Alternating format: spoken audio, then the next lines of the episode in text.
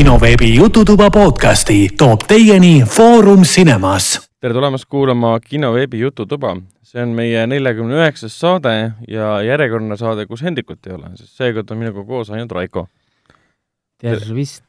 Raiko on hästi väsinud häälega, sest Raiko on päev otsa tegelenud hoopis muude asjadega. Henrik on kahjuks või õnneks pühade puhul, noh, püha on siis tegelikult kahekümne neljandal, tema läks juba ennetavalt ära. kas me võime öelda, kuhu ta läks või? ta läks Võrru igatahes noh, jah, nüüd on hilja juba, ma ütlesin selle välja ma ei tea, mida selle infoga peale hakata muidugi. küsid ise, vastad ise. ise, ise vastan, ise küsin ja vastupidi. vot, seekord olemegi kahekesi, aga saamegi sellise, sellise korraliku, võib-olla lühikese saate teha vahelduseks, sest eelmine kord me üritasime ka lühikest teha, siis tuli kahe poole tunnini ikka. lühike. oo oh, jumal vot, aga lähme siis kohe edasi siis filmide ja seriaalide juurde, mida oleme siin vahepeal kahe podcast'i vahepeal vaadanud ja siis kokkuvõttes igaks mainin ära, et siis me räägime uudistest ja siis me räägime ka siis, mida soovitame vaadata kinos ja teles ja Netflixis ja igal pool mujal. vot, aga Raiko, sina oled, sina oled see, kes alu-, alustab igavesest ajast igavesti nüüd esimesena, et mis oled sina vahepeal vaadanud? no ma vaatasin äh Netflixi Key and Lock lõpuni. juba? et eelmine kord oli mul mingi kolm osa vaadatud, siis nüüd on mm -hmm. noh, neid oli kokku kümme vist oli või? Äh, jah, kümme episoodi. oli vist kümme, jah. selles mõttes, noh, ma story't niikuinii teadsin ka, mul oli selles mõttes graafiline novell on äh, loetud, ma tean ka, kuhu edasi see läheb. aga siis teine hooaeg on story ja, ja minu arust väga hästi tehtud on. ma mm, -hmm. ma olin väga rahul, jumala selles mõttes, et läheb kiiresti ka, vaata, noh, nagu üks osa, teine osa hästi kergesti pingitav ähm,. jaa, seda oli juba esimese kolme osa põhjal tunda. tempo on hästi hea, on ju, kogu aeg midagi toimub. et nad ei jää nagu kinni sinna nõmmutama võib-olla noh, kohtades, kus tegelikult võiks nämmutada, noh, jumala lihtne oleks tegelikult seal osa teemat lasta täiega üle, aga noh, nad panevad kiiresti ära, noh, laks-laks-laks ähm,, minu arust väga hea asi, mida vaadata. aga kas ta läheb siis nagu võrreldes siin esimese kolme osaga, sest mina olen endiselt ainult kolm osa vaadanud läheb väga fantaasiarikkaks ära? ei no need võt-, võtmed lähevad ikka nagu hullemaks, et ähm, teised dimensioonid ja äh, tulnukate planeedid ja no paljud tulnukad planeedid pole, aga teised dimensioonid on küll. aa, okei okay.. ehk siis, siis see läheb veits kokku selle uudisega, mis ma kuskil kuulsin, et Lock and Key ja siis Neil Gaimani Sandmani universumid võivad kattuda, mingi pealkiri käis kuskilt läbi ehk siis teoorias, kui sa kasutad lock and key nagu selles koomiksis või seriaalis yeah. võtit, siis sa võid avada võtme ükskõik millisesse universumisse no,. Eh, ehk siis sa võidki minna teise koomiksisse, teise filmi, teise seriaali. jah, seal, seal on stuff'i küll muidugi. aga ei, need võtmed lähevad päris huvitavaks mm. ja, ja, ja noh, seal tuleb tausta on ju, saad teada, kes on siis äh, naine. ja mul on siiamaani kolm nagu... osa nagu näinud, siis hetkel sa ei tea, kes ta on. ei, ei, null äh,. noh, see ema jätkab oma seda uurimust, või noh, oma mehe siis tausta oma, avastamist. oma mehe tausta avastamist jah, et mis juhtus nendega, kui nad mm. noored olid, miks ta ära kolis, noh, ja nii edasi, siis lapsed saavad teada, miks see onu Tanker midagi ei mäleta. ja siis me saame teada, kes see killer üldse oli uh.... no üldse, see on kogu see nagu noh, protseduur, jah mm., see killer ka, kes käis seal majas miks ta käis. ja äh, nendele kuulajatele, kes ei tea, millest me räägime, siis me räägime Netflixi seriaalist äh, nimega Lock and Key. Key and Lock vist on või oota, Key and Lock, Key and Lock, täpselt, issand, ma ei tea, okei okay,, jah, kohe hakkasin segamini ajama uh,. mis on, mis on siis, on siis Stephen Kingi poja ja ühe illustraatori ühisel koomiksil või noh, graafilisel novellil põhinev uus seriaal mille põhimõte seisneb siis selles, et äh, pere pära-, kolib pärast siis äh, pereisa surma, vägivaldset surma, üks tüüp tappis ta ära, äh, kolivad siis vanasti nii-öelda lapsepõlve koju, isa lapsepõlve koju, kus on siis, nad avastavad, seal on võtmed, mis avavad uksi ja selle koha pealt rohkem midagi väga ei ütlegi, et see on pigem ja, lahe, lahe ise avastada. kõik ei ole muidugi uksedest, mis nad avavad. jaa, täpselt. et nad lihtsalt avavad asju, annavad ja. võimalusi ja, ja ühesõnaga. aga ei, ta läheb selles mõttes nagu lõbusamaks, et ähm, noh näiteks äh, nad kasutavad ka võtmeid nii-öelda enda lõbustamiseks vahepeal mm, -hmm. et ei ole ainult nagu niisugune tõsine umbes, et, et äh, noh, oleme, kasutame ainult kui vaja on, ei nad mõtlesid, et aga kasutaks nüüd ka endale ka mõnda noh nagu. noh, kui vaja poodi minna kiiresti, et li-, leiba või piima osta, siis saab päris, et noh, võtit kasutada selle jaoks. seal on jah, et nad, nad põhimõtteliselt kasutavad ühte võtit, et äh, koolipuldit natukene tagasi teha. ahah, siis põhimõtteliselt sa saad ukse avada, kui sa oled tema kodus käinud tema magamistuppa ja siis teda kiusatada seal nad kasutavad ühte teist võtit, mis on aha. päris, päris efektiivne. aa, see on see, mis paneb, võtme, mis sa paned kaela? ei, sa ei tea veel seda võtit okay,, kui sa oled kolm okei. osa näinud, siis sa pole seda võtit veel näinud, pole kuulnudki sellest veel. ahah, igatahes mina olen seriaalis näinud võtmeid, mis avavad uksi ja võtmeid, mis avavad nagu inimesi ja peegleid ka. peeglid ka ja, ja tu- Tuleomale sa nägid ka kohe esimeses episoodis. seesama mees, kes Aa, jah, jah. ennast jah jah, jah, see oli, see oli veider. et nad selgitavad, selgitavad ka, miks ta seda, seda teeb või Mhm. tegi. kas see oli siis nagu, tegelikult sa ei saa- pea mulle vastama, sa ei saagi mulle vastata, sest see oleks spoiler, spoiler, et miks ta seda tegi või miks ta põlema läks, kas see suitsiid või enesetapp või ohverdus ja no põhimõtteliselt see tuleb siis välja, kui see laste ema jõuab lähemale järjest sündmustele, miks mm. -hmm. see isa siis ära läks. aga ei noh, selles mõttes kõik vastused tulevad tegelikult ära, ehk siis esimene hooaeg lõpeb tegelikult nii, et sul jääb väga küsimusi, välja arvatud see viimane tseen, mis tõstatab siis uued küsimused, aga nendele juba vastatakse siis äh, järgmine hooaeg. Ehk siis ilmselt hakkavad see aasta hakkavad juba filmima ja järgmine aasta tuleb välja. ei, ei ta on juba kinni, kinnitatud ka, kui juba no. otsid, siis on juba teada, et äh, tehakse, mingid setid on juba paigas, ühesõnaga mm, -hmm. et arvatavasti tuleb ennem kui Stranger Things neljas hooaeg, et arvatavasti. ka see aasta tulema. Stranger Things, nad lõpetavad, nad, nad hakkavad alles Leedus filmima järgmine aasta alles, neljandas hooaega, ehk siis jaa, ehk siis praegu too eeldatav aeg on kaks tuhat kakskümmend üks sügisel. Ma kuulsin selle Leedu filmimisest küll, aga ma arvasin, et see oli ära juba. ei, see tuleb alles kaks tuhat kakskümmend üks, hakkavad alles Aa, filmima ma Leedus. lugesin seda filmi kuskil Leedu vanglas. ja Leedu Vilniuse vanglas jah, mingi jah, Luktsia või kuidas nad seda hääldavad. ehk siis see on see Vene, Venemaa, mida nad filmivad Leedus. jah, aga nad filmivad, selles ma saan aru äh,, kui kolmandik episoodist või midagi tuleb, siis äh, vanglas ülejäänud nad juba vist teevad, kui hakkavad kohe tegema, aga jah, nii palju ma saan ma saan aru, et on juba teada, et need Mm. toimub alles kaks tuhat kakskümmend üks. mis läheb kokku ka sellega, et need, noh, nendel on päris suured äh, vahed on hooaegadel. et näiteks kolmanda, ei teise ja kolmanda vahe oli kakskümmend ja pool kuud, mm. peaaegu kaks aastat hea. oli vahe, ehk siis noh, meil ei ole mõtet vaadata, kui noh, eelmine aasta alles oli, ehk siis nüüd meil jääb, noh, see aasta jääb kindlasti vahele, Mm. ehk siis ongi kaks tuhat kakskümmend see on üks, iga kord ju niimoodi olnud, et suve lõpus, sügisel, ehk siis nendel on päris pikad hooajavahed tulevad. pigem las olla pikad vahed kui niimoodi, et mingi kuue kuu pärast tuleb juba uus hooaeg. ja pigem, pigem las teevad hästi head, Mm. ei hakka kirjustama. absoluutselt. siis Nii. ma vaatasin ära Netflixi äh, anime, mis siin tuli vahepeal, on ka Caster of an Insect Cage. põhimõtteliselt äh, utoopia, mitte utoopia, vaid düstoopia. et äh, ühel ajal hetkel lihtsalt hakkavad inimesed, evolutsioon toimub inimestel, aga see ei ole selline, mis on nagu teretulnud evolutsioon, vaid inimesed muutuvad kõik put-, putukateks. See on nagu mingi Rick and Morty see Cronenbergi universum. jah, nad muutuvad nagu putukateks, nagu suurteks putukateks, hakkavad siis elama nagu putukatena edasi.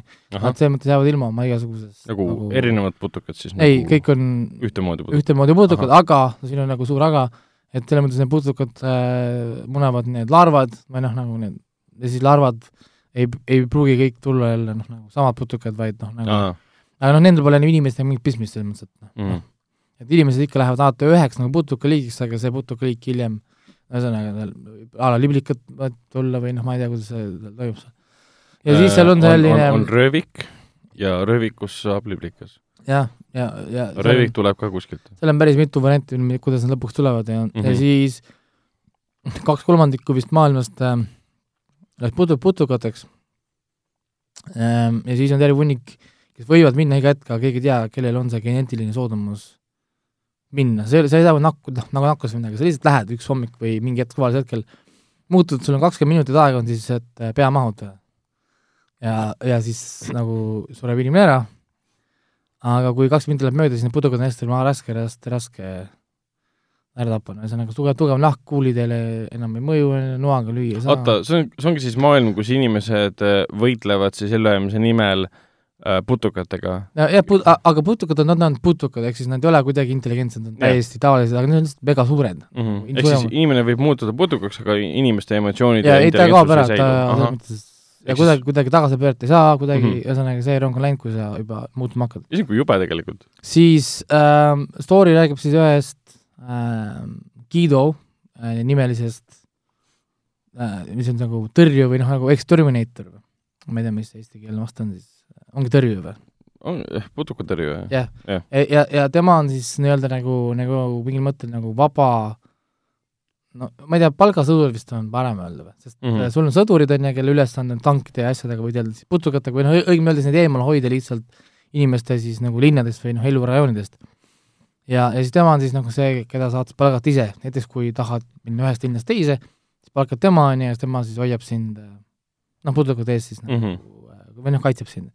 Ja ta on hästi osav sellest, ta on, kõik tunnevad, kõik teavad, kes ta on, ta on niisugune ultra, ultra kõva vend, ja, ja siis story ongi see, et ta algab siis sellega, et ta on siis ühel missioonil, kui ta kaupmeest saatmas, ja siis äh, näevad üks pere, noh mitte pere, üks isa ja tütar põgenevad putukate eest. Lähevad, päästavad ära, aga jäävad niimoodi hiljaks, et isa päästa ei saa, aga tüt- tütar jääb ellu ja siis isa ütleb, et palun vii see tütar ema, jah, ema, ema juurde. mees on siis nõus. Davai, et noh, ma viin siis äh, tütre ema juurde ja siis hakkab noh, nagu hakkabki see story nagu pihta. Mhm. esimesed niisugused kolm-neli episoodi, seal oli, tal on kaksteist vist episoodi oli või? no midagi sellist. esimesed kolm-neli episoodi on niisugune, lihtsalt niisugune tutvustamine, noh, maailm, teised karakterid, see linn, kus nad seal elavad, niisugune noh, nagu niisugune kogu-poogu. ja siis hakkab see story pihta, et, et tegelikult see kogu story käibki selle tüdruku ümber. Mhm. tüd- tüdrukul on väikene secret, tema ümber käibki kogu see story ja, ja siis varsti tullakse tööle tüdrukule järgi, teda on vaja, sest ta on tegelikult hästi oluline, siis ühesõnaga aga kaksteist episoodi, jah, oota, ta on oluline siis sellepärast, et kuidagi lahendada maailma ei, seda ei saa lahendada. olukorra seda ei saa, või seda ei saa kuidagi Ahah. lahendada, kuid ähm, see tüdruk on väga oluline nagu, putukatega seotud küll, aga seal on oma nagu story seal. mm? -hmm. ma vaatasin teda praegu nagu treilereid ja visuaalset materjali ka, näeb väga vinge välja. No Kas tal ta on, kas ta on verine ka või? ei, ta on väga, see on väga verine Okei. päid lendab, esemeid, asju, tal on kindlasti mingi vanusepiirang ka. see on siis ka nüüd Netflixis? jah, nende orgi-, originaal, täiesti jälle originaal story, kõik on nende oma ähm, ta on tehtud, ta on selle videomängu engine'iga peal tehtud, nii et ta näeb, peaks välja nägema väga videomängulik Aa. nagu, nagu põhimõtteliselt nagu lõputu cutscene oleks. ja on hästi palju niisugust 3D efekti, kus nii-öelda jääb nagu korraks seisma freeze frame ja siis niisugune nagu see kaamera liigub nagu zoom, noh nagu ümber nagu mm. -hmm. et tegelikult on ju 3D mudelid seal animatsioonis, sellepärast ta näeb niisugune välja. ma kohe vaatan, mis tal on niisugune jah, niisugune videomängulik on jaa, on jah, tõesti hästi, hästi veider näeb selle koha pealt välja. ja et ta ei ole niisugune klassikaline Jaapani anime või jah, niisugune Mm -hmm. vaid ta on niisugune video, video, videomängulik, no lihtsalt tempo ongi see põhiline, et tempo ilge, ilgelt muutub. Esimesed kolm-neli episoodi ma räägin, on niisugune, esimene algab hästi kiiresti, sest ta on niisugune nagu noh, action, siis on niisugune, tempo on aeglane. noh, tüdruk, ta tutvub linnas, ühesõnaga linna story, ajalugu, ühesõnaga niisugune setup on, siis hakkab äh, niisugune flashbackid on seal ka. Guido flashbackid on ja kuidas tema sai selliseks, nagu tema on, on ju, noh, nagu ütleme, see kuulus-tuntud see tõrje ja siis see tüdruku flashbackid. Tüdruku flashbackid hakkavad siis meile samal ajal toimuvad, kui me saame info tüdruku kohta nagu olevikus, siis meil on kohe ka flashback nagu, kuidas see seondub tema noh, nagu ühesõnaga see origin story. Mm -hmm. ja niimoodi see vaikselt läheb kokku kuni kaheksandas, üheksandas episoodis on niisugune moment, kus me jõuame nii-öelda story'le järgi, on ju, põhimõtteliselt, ja siis hakkab see final, mis iganes siis seal toimub. Mhm. okei, ehk siis selge on see, et see ei ole suvaline tüdruk, kes põgeneb oma suvalise isaga, tal on muutub väga oluliseks elemendiks. seal on ikka point mm, Mhm. -hmm. kõikil on point seal okay., ei näha, aga ütleme ta selles mõttes esimene episood, esimene episood, esimene hooaeg, ta ikkagi jääb nagu pooleli, ta vastab küll enamus küsimusele ära, aga story tegelikult jääb mm. -hmm. jääb nagu pooleli, täitsa vabalt. ja selle kohta on ka vist juba teada, et tuleb ma ei teine tea ma üritasin leida midagi, hetkel on vaikust. mm.. see, kahju, et Netflixis ei näe üldse seda, kui populaarne miski on. Et me näeme, seal saab anda ju filmidele tegelikult eh, thumbs up, thumbs down vist, nojah, see ta, Tams, ta, aga see on see, sinu jaoks see. võeti ära peale seda mm, Amy Schumeri stuff'i, jah, jah. sellepärast et ta väitis, et kõik on tema vastu, samal ajal võiks mõne naljaga teha, mis on naljakas. no see on jah teine teema. et alustaks sellest, nojah, aga nüüd on lihtsalt see, et kõik on kasutaja poolt äh, poole nagu suunatud, et kui sa midagi like'id äh, Netflixis, siis sa saad lihtsalt edaspidi soovitusi, mis sarnanevad sellele jah, muud ei ole seal jah. mm.. see ma tegelikult. vaatasin ära jälle Netflixis Dragon Quest Your Story, see on mm Mhm. -hmm. siis otse nüüd videomängust tehtud ähm,. ta on siis Dragon Quest viis on tegelikult üks rollimäng, kunagi, kunagi oli ähm,. ta on, ütleme, Dragon Questi see-, noh, Dragon Questi seerias seda peetakse kõige parema narratiiviga nagu seeriaks. Mm ütleme, kui jätta kaheksa kõrvale, kaheksa on niisugune väga unikaalne, ütleme niisugune väga teistsugune, siis viis on niisugune enim räägitud story mäng. siis see on nüüd seesama nagu story, ongi nagu see film. -hmm. film algabki videomänguga konkreetselt, algab niimoodi, et paned filmi tööle, kohe tuleb ette see kahe, kaheksapiltine ekraan, väike inimene liigub mööda nagu noh, ekraani ja siis tulevad need tekstimullid ja värgid, täpselt nagu see mäng on. ja siis mäng nagu jätkub nii-öelda nagu noh, kui ära, kui see mängu intro on ära, kus sa tegelikult algad videomänguga, siis meil algab nüüd see nagu täis 3D väga ilus mm. Mhm. animatsioon, väga, väga ilus nagu animatsioon ähm,, nagu story, kui sa oled seda mängu mänginud, siis tegelikult sa tead kogu seda story'd. aga, aga lõpp on tegelikult väga oluline ja see nimi tegelikult reedab siin päris palju, kui sa vaatad ära, saad aru, et mida see your story siin tähendab. Dragon Quest Your Story. see on nagu mäng ja lugu tegelikult. sinu lugu. see on päris huvitav, selles mõttes, et vaatad lõppu ära, siis lõpp keerab täiesti nagu ära ja siis, siis sa saad aru, miks nagu see niimoodi tehti ja kuidas see tegelikult mingil määral on lihtsalt promo Dragon Questile lõpuks nagu nojah. väga niisugune huvitav, aga see ei vähenda selles mõttes filmi väärtust kuidagi. kas Dragon Questil praegu hiljuti tuli ka mingi uus osa? kohe tuleb, inimesed ootavad, aa, ehk siis Your Story tuli välja enne, kui tuleb uus mäng välja? inimesed ootavad Dragon Quest ühte-teist praegult äh, lääne, läände ja jaapanlased väärtult juba aa, mängivad. aa, Jaapanis tuli ta oi ei, mitte see, mitte see ük- üksteist, aga see äh, issand, mis see nimi, ühesõnaga guugeldage ise, ma kohe tulen meelde. Mhm. aga ei, Dragon Quest ikka tuleb, Dragon Questil tuleb palju, Dragon Quest Heroes kaks vist tuli, siin kolmandat räägitakse, ei noh, Dragon Questil on siin mitu oma seeriat veel, issand, neil oli siin, jah, ühesõnaga see on see on niisugune üldine promo lihtsalt Dragon Questile või selline, võib-olla Square Enix tunneb, et äh, Dragon Quest pole nii tugev kui näiteks Final Fantasy, mis on ka nende oma, ma ei tea. võib-olla ta pole nii tugev nagu läänes ja sul ongi vaja lääne inimese jaoks mida, Netflixi ja filmi, mis näitab ära midagi seoses et see on päris huvitav, et sa vaatad filmi ära, see on väga hea film ka, hästi kõrge kvaliteediga, noh, kõik animatsioonid, story väga ma hea ei pea tempo. midagi teadma ei, ei, kõik on täiesti okei okay,, see on väga hea no.. noh, lihtsalt kõik tehakse, sa ei pea mitte midagi teadma Dragon Questist üldse, see on teen, ta on üldse omaette story. põhimõtteliselt, kui seda filmi vaadata, lihtsalt ära, sa ei pea isegi mõtlema, et see on videomäng, lihtsalt sa saad nagu täis, täis story saad, kõik nagu karakterid, kõik kolm põlvkonda, kogu see protseduur, kõik mm -hmm. käib Mhm. sealt läbi ja kõik see on ka Netflix, see on ka nende enda oma, jah. kõik on Netflix. ossa pagan, siuk-, väga huvitav näeb visuaalselt välja. Ja ei- võimas on visuaalselt ja ei, see. on täis, täis 3D jälle, see on äh, full CGI äh, animatsioon. jep, jep, ei see näeb väga ilus ja välja., ja kui sa oled mänginud seda Dragon Questi mängu, siis selles mõttes on väga palju, siis nad nagu need reaalselt karjuvadki neid äh, trikkide nimesid, Kazisel ja mm. -hmm. ja Kavush, mis on siis need mängu need niisugused äh, maagilised trikid. Nad teevad, teevad seal ka neid nagu noh, selles mõttes äh, täpselt samamoodi. ei, tõesti praegu ma vaatan, issand jumal, kui äge see välja ja, ja kusjuures üks huvitav asi on nagu see, et äh, ma tahaks öelda, et see on minu arust selle aasta üks parimaid armastusfilme, mis ma olen näinud. armastusfilme. see on veidral kombel jaa, sest Ha. äh, Dragon Questis on hästi suur tegelikult roll alati, nagu ka Final Fantasy, kui inimesed on Final Fantasy mänginud, Final Fantasy on selline nagu ütleme, klassikaline yin ja yang, ehk siis ka niisugune hea ja kuri võitlus, aga seal alati on mingi love story seal keskel. Mm. siis Dragon Quest on alati olnud nagu family äh, story. alati sul on mingi hero, kes lihtsalt pidi mat-, noh, pidi matši, lihtsalt põhimõtteliselt tahab lihtsalt saada armastust, siis siis siin on tegelikult päris niisugune huvitav love story, mis lähebki nagu ka mitte üks põlvkond ei kesta, vaid päris mitu äh, põlvkonda on see, noh, on, on see story. Mm -hmm. ja nagu ei, väga, väga hea, mina olen väga rahul ja läks päris kiiresti ka, noh nagu ma ei, hea oligi, ma pole mänginud Dragon Quest viite, ehk siis minu jaoks oli see selles mõttes nagu noh, nagu päris huvitav. Hiljem guugeldasin ja mõtlesin, mis, mis Dragon Quest see siis on, noh nagu milline, oo, Mhm. see on Dragon Quest viie põhjal tehtud äh, mäng. Okay.. nojah, siis on päris huvitav, et sa suudad äh, meil siia podcast'i tuua selle erisuse sisse, et sa räägid hoopis teisest nagu kategooriast filmidest ja seriaalidest, mida meie siin Hendrikuga kogu aeg ja- ja- jagame ja räägime, et ainuke animelaadne asi, millest me vahepeal oleme rääkinud, ongi see mm, Kippo and Age of Wonder Beasts oli vahepeal ja enne seda vist ei olnudki midagi muud. Aa, muidu- muidu ei, ma, kusjuures äh, üks asi, mis on meelest läinud, eelmine laupäev olid anime auhinnad. aa, see on mingi Jaapani suur auhinnagala või? Ei, see on nüüd Crunchyrolli enda oma, keegi teine ei tee seda. aa, okei okay.. ja nemad siis, kümme miljonit inimest andis oma hääled või üksteist miljonit mm. -hmm. inimest ja siis sealt valiti parim fight scene, parim love scene, parim lewd kostüüm, nagu ikka animes kõik käivad ja, ja, ja, see kõik niisugused asjad, parim animed ja asjad. mis, mis siis parim anime film näiteks oli? issand, või animeseriaal? ja, ja hea küsimus, või mis kõige rohkem auhindu sai? juba, ma juba ei mäletagi. aga oota, ma vaatan kähku või mis, kas sa kaudselt tead, mida seal, mis too, mis seal domineeris?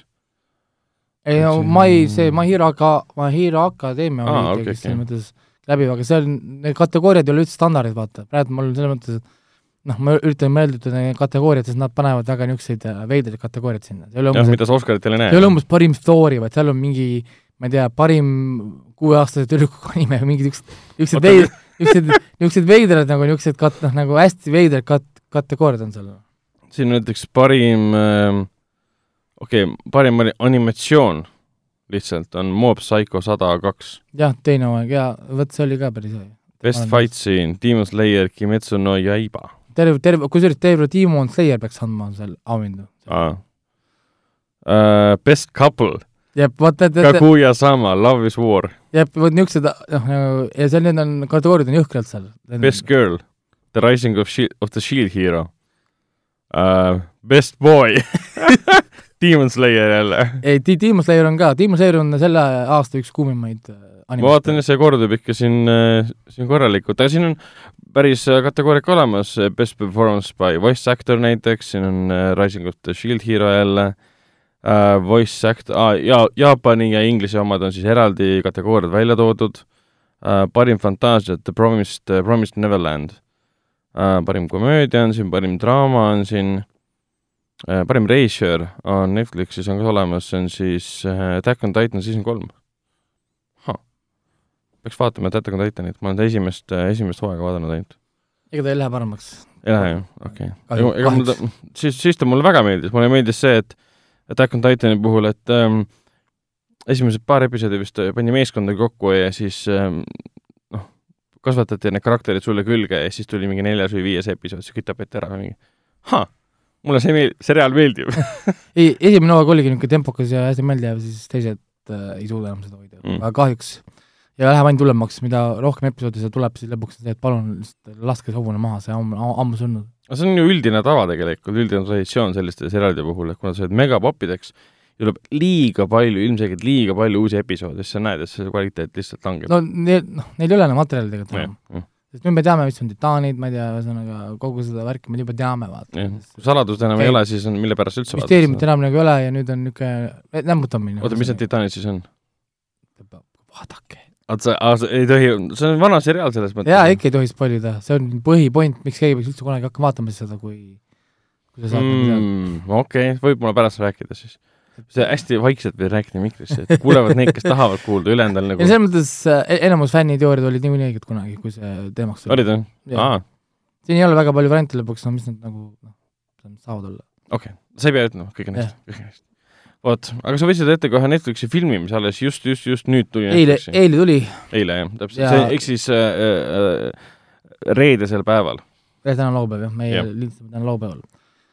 Ja reede tuli ja ma eile vaatasin ära ka kohe selle, sest ma mõtlesin, noh, Ben Affleck, Anne Hathaway, William Dafoe, davai, et äkki on hea film.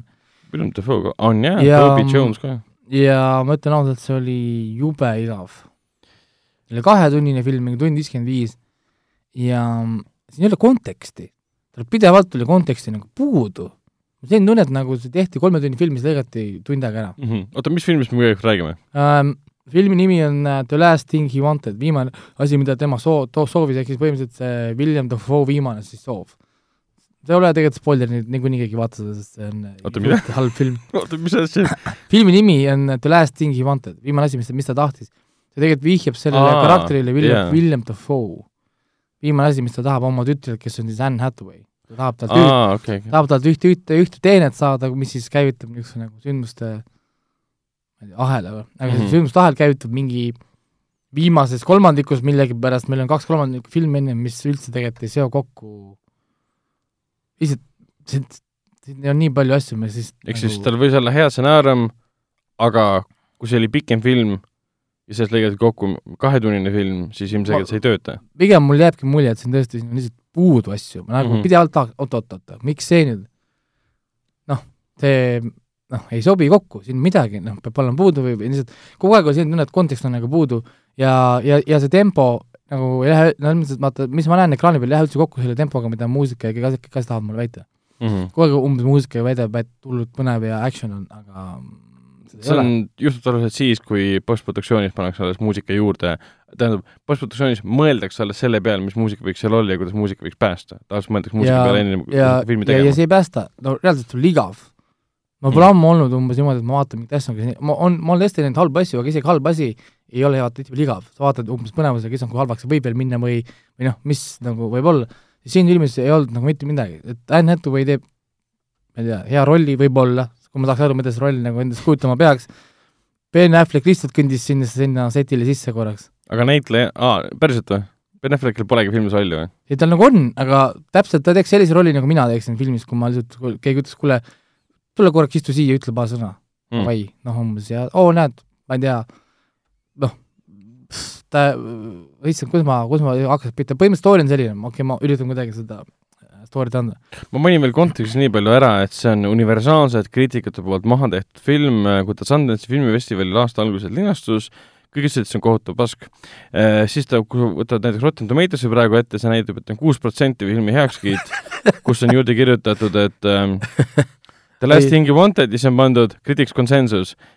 It will be the last thing most viewers want to.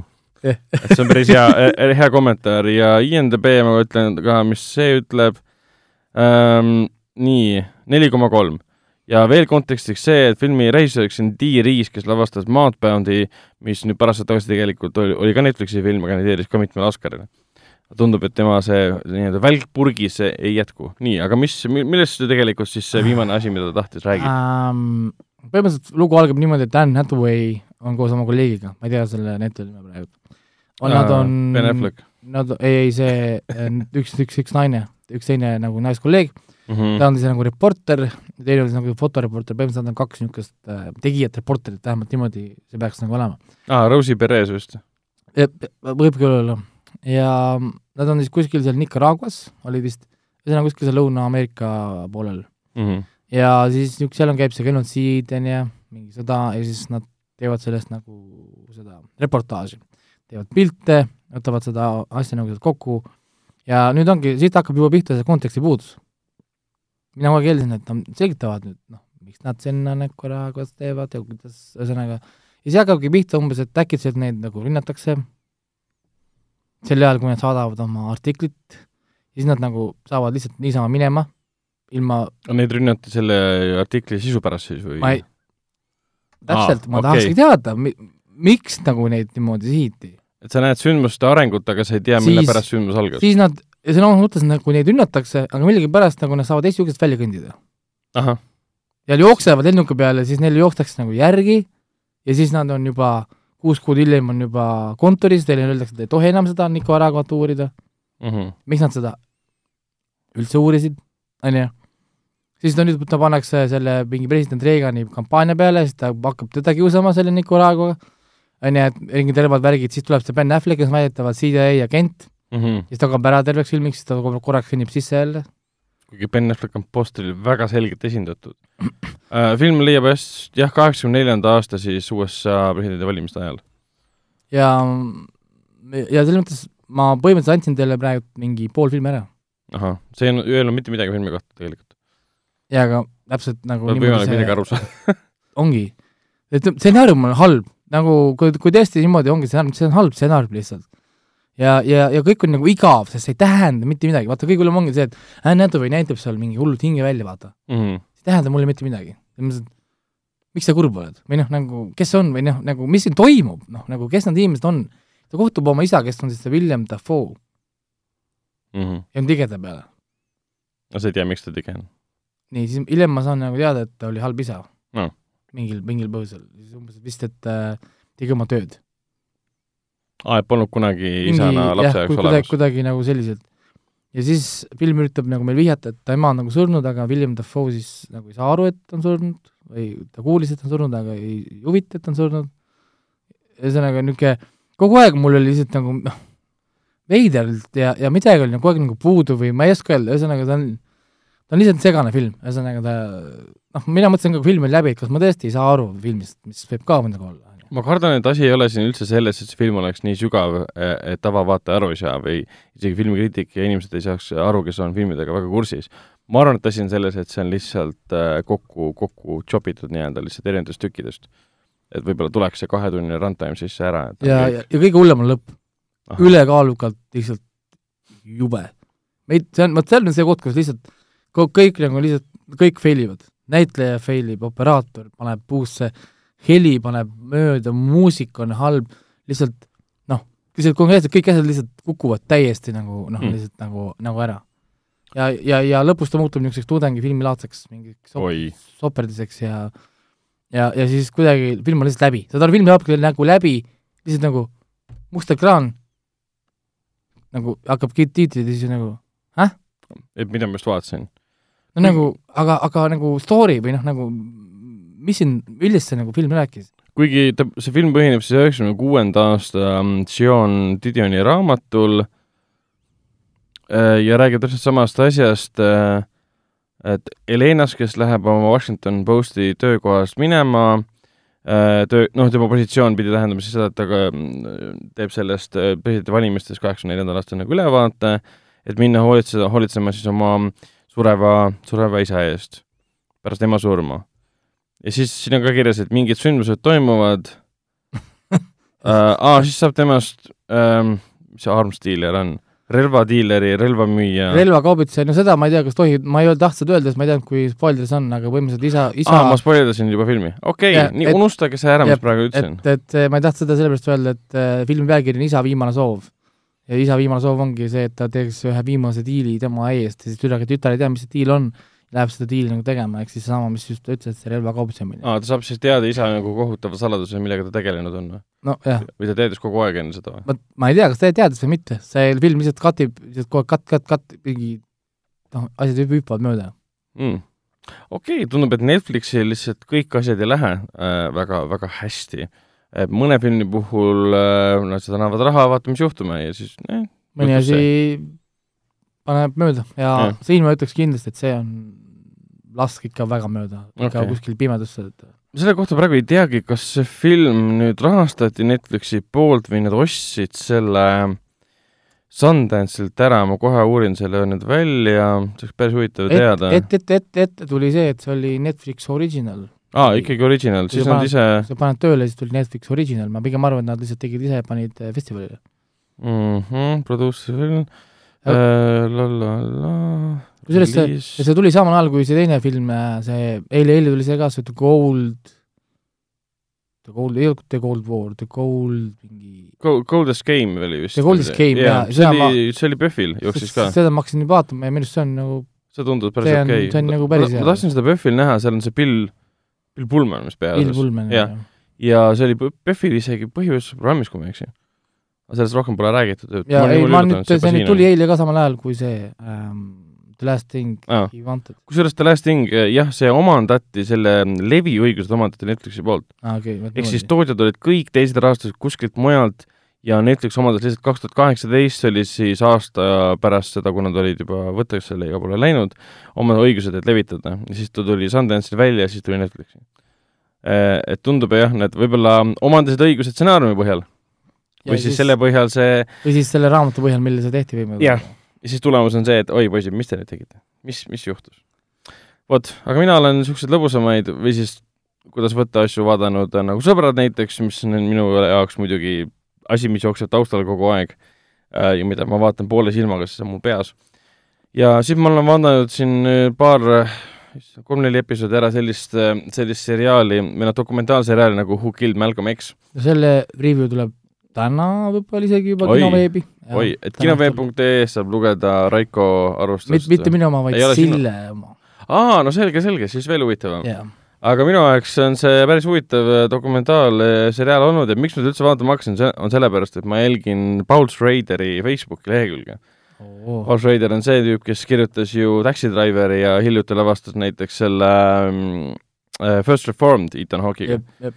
Ilge veteran, ütleme nii lavast-, režissööri mõttes kui ka siis stsenaristi nojah mõttes., kui ta tegi Taxi Driveris, ta peab olema veteran. ja, jah, täpselt, täpselt seda enam jah.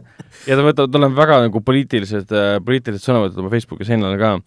aga siis ta ütles jaa, et Who Killed Malcolm X, siis ma hakkasin seda vaatama, et seal põhimõtteliselt antakse taustale, kes oli Malcolm X, kust ta pärit oli, mis see ähm, Araabia Brotherhood seal oli selles äh, Bronxis ja kõik see, selles Detroitis, kus nad olid äh, ja võib-olla su-, suurim asi, mis sellest on välja tulnud, on see, et nüüd USA-s mingi prokurör või mingi Tegelinski võttis selle siis uurimise uuesti nagu tele, tegi lahti, et hakkavad välja uurima, kes tegelikult siis tappis, sest dokumentaalfilmi järgi ja üldse, kui hakata ametlikke avalikke mm, äh, andmeid lugema, siis tegelikult ongi teada, et äh, omal ajal pandi vangi mingi kaks-kolm tüüpi ja hiljem siis selgus, et ükski neist polnud süüdi tegelikult, nad kõik vabastati. no klassika. ehk siis siiamaani ei teata tegelikult, kes palkas need inimesed, kes olid seotud nende inimestega, kes tulistasid Malcolm X-i, kui ta tegi parasjagu ühte loengut Äh, seal süüdistati tema seda mm, endist äh, suurt ähm, isa ja juhti sellest äh,, ma ei mäleta, kuidas seda nimetati, oli see mingi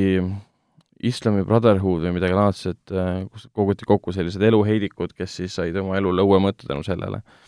või siis süüdistati seal hoopis CIA-d, kes teda eelitas põhimõtteliselt, et näha, ega ta liiga radikaalseks ei muutu, või siis süüdistati seal Nixonit või keda iganes, et see oli, igatahes minu jaoks päris huvitav ajaloo, ajalooõpetund, kuna mina sellest peatükist väga palju ei tea et sama hästi ma oleks võinud kinni panna ja panna lihtsalt selle äh, Malcolm X-i filmi peale, mida Spike Lee lavastas kunagi Denzel Washingtoniga. ma praegu jäin seda Sille arvustust lugema, päris pikk on see nüüd, ma lugesin ja, seda kokkuvõtet siin ka, et ma usun, et ta peabki pikk olema, sest ta on ikka väga, väga põhjalik ja, ja kui sa oled selle teemaga kursis, selline isikuga kursis, siis on teine asi, aga mina ei olnud kursis ja ma pidin ikka kogu aeg juurde lugema. sama on siin, Sille ka ütles, et ei ole ei mm. olnud kursis, tähendab. aa, no vot, vot. aga, aga, aga nüüd ta siin lõpus siis ütleb, et mis ta ütleb selle sarja kohta, et ähm, nii, kes mõrvas Malcolm X annab äh, vastused küsimustele ning on lihtsalt jälgitav. Seda ta tegi küll, jah, see oli päris huvitav minu jaoks ka, et ähm, aa, et võtame need inimesed kinni, nemad tapsid ta ära, paneme nad vangi, siis tuleb välja, et see kõik oli politsei vandenõu, et võimalikult kiire, või noh, politsei ja linnaosavalitsuse, linna ja selle riigi nii-öelda ühiskoostööd võimalikult kiiresti mingid tüübid vangi panna, et kõik vait jääksid. näiteks siis ta ütleb veel, et äh, see sari on üks musternäide, kuidas tõelisi kuritegusid ekraanil kajastada. Ah..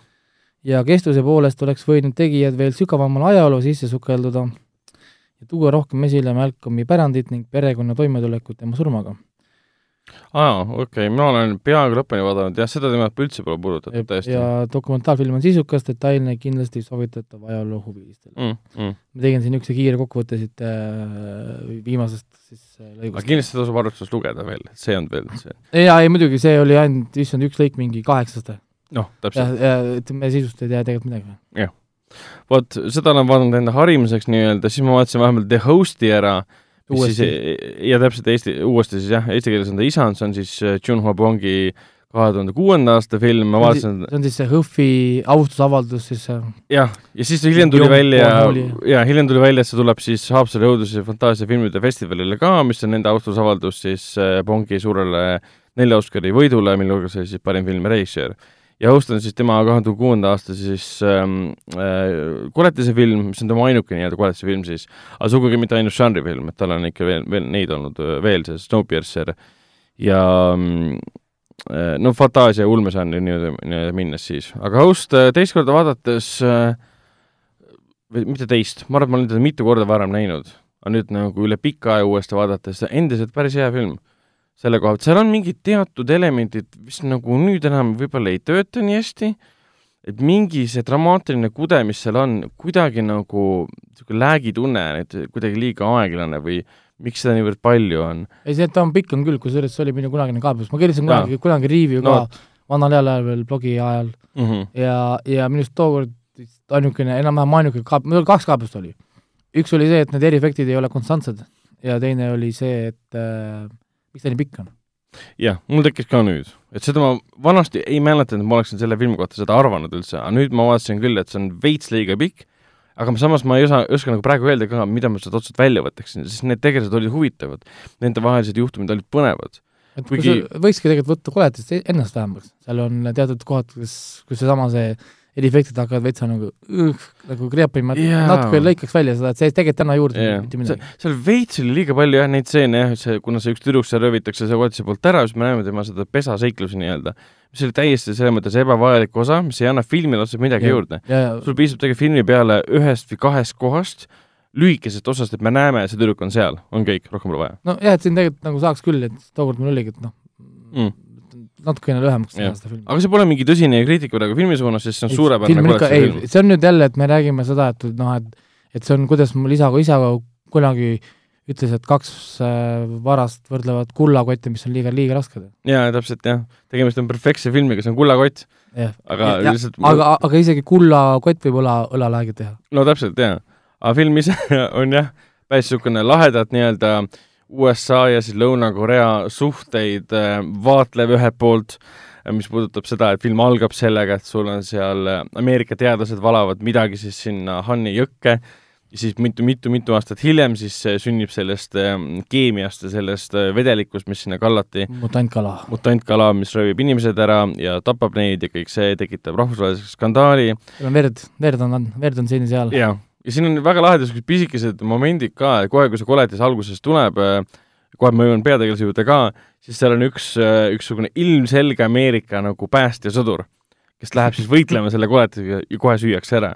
mulle meeldib see, et filmi peategelane on mingi käpardlik, elus alla andnud täiesti oblivious tüüp selle koha pealt, et lihtsalt müüb kuskil jõe ääres mingit, mingit toitu ja snäkki, käib ringi oma BJ-s või dressipükstes, koperdab kogu aeg, on täiesti abitu loll, tundub vähemalt, tegelikult on väga siiras ja tark poiss ja noh, mees, keda mängib jälle siis äh, Kang Ho-song, kes ikka, siis äh, ikka The Seven on igast Korea jah, filmist. täpselt.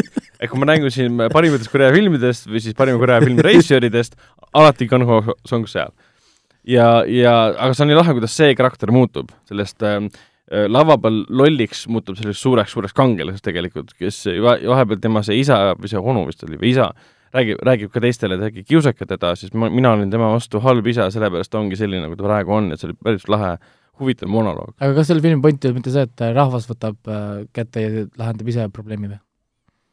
Äh, tegelikult ei olnud, no selles mõttes jah, võib öelda, et perekond võtab ise probleemi käsile, lahendab selle ise. et nad ei et nad ei jää ootama Jah. seda valitsuse bürokraatiat, mis Mm. on liiga aeglane, ühesõnaga sealt ei tule tulemust, rahvas peab ise nii-öelda tegutsema. et kui, kui sa tahad, et, tahad, et sinu lähedase elu päästetaks, siis sa ei pea, saa loota valitsuse sa ei peale. saa oodata jah, sest nad ei pruugi tulla või siis noh, ei hooli lihtsalt piisavalt palju. aga ei, suurepärane film ja, ja kindlasti ma vaatan seda siis HÖFFil äh, ka uuesti. siis ma vaatasin veits poole peale, jumal teab mitmendat korda Ghostbusters kahte ainult sellepärast, et vahepeal vaatasin Ghostbusters ühe ära, mida ma omakorda vaatasin sellepärast, et see Ghostbusters Afterlife treiler tuli välja, siis ma hakkasin seda vaatama ja kõik vihkavad seda teist osa, oota kas see teine, teises osas see Rick Moranis ka on või? Jah.. ta ikka on seal jah? jaa, Rick Moranis Okei. on seal ka, ta on seal koos selle mm, Janiniga ja lähevad last hoidma siis, kui laps ära röövitakse. vot, oli küll, okei okay,, jah, niimoodi, jah, muidu üldse ei suuda nagu paigutada. tal ei olnud nii suur roll seekord kui selles esimeses, et I am the keymaster ja kõik see.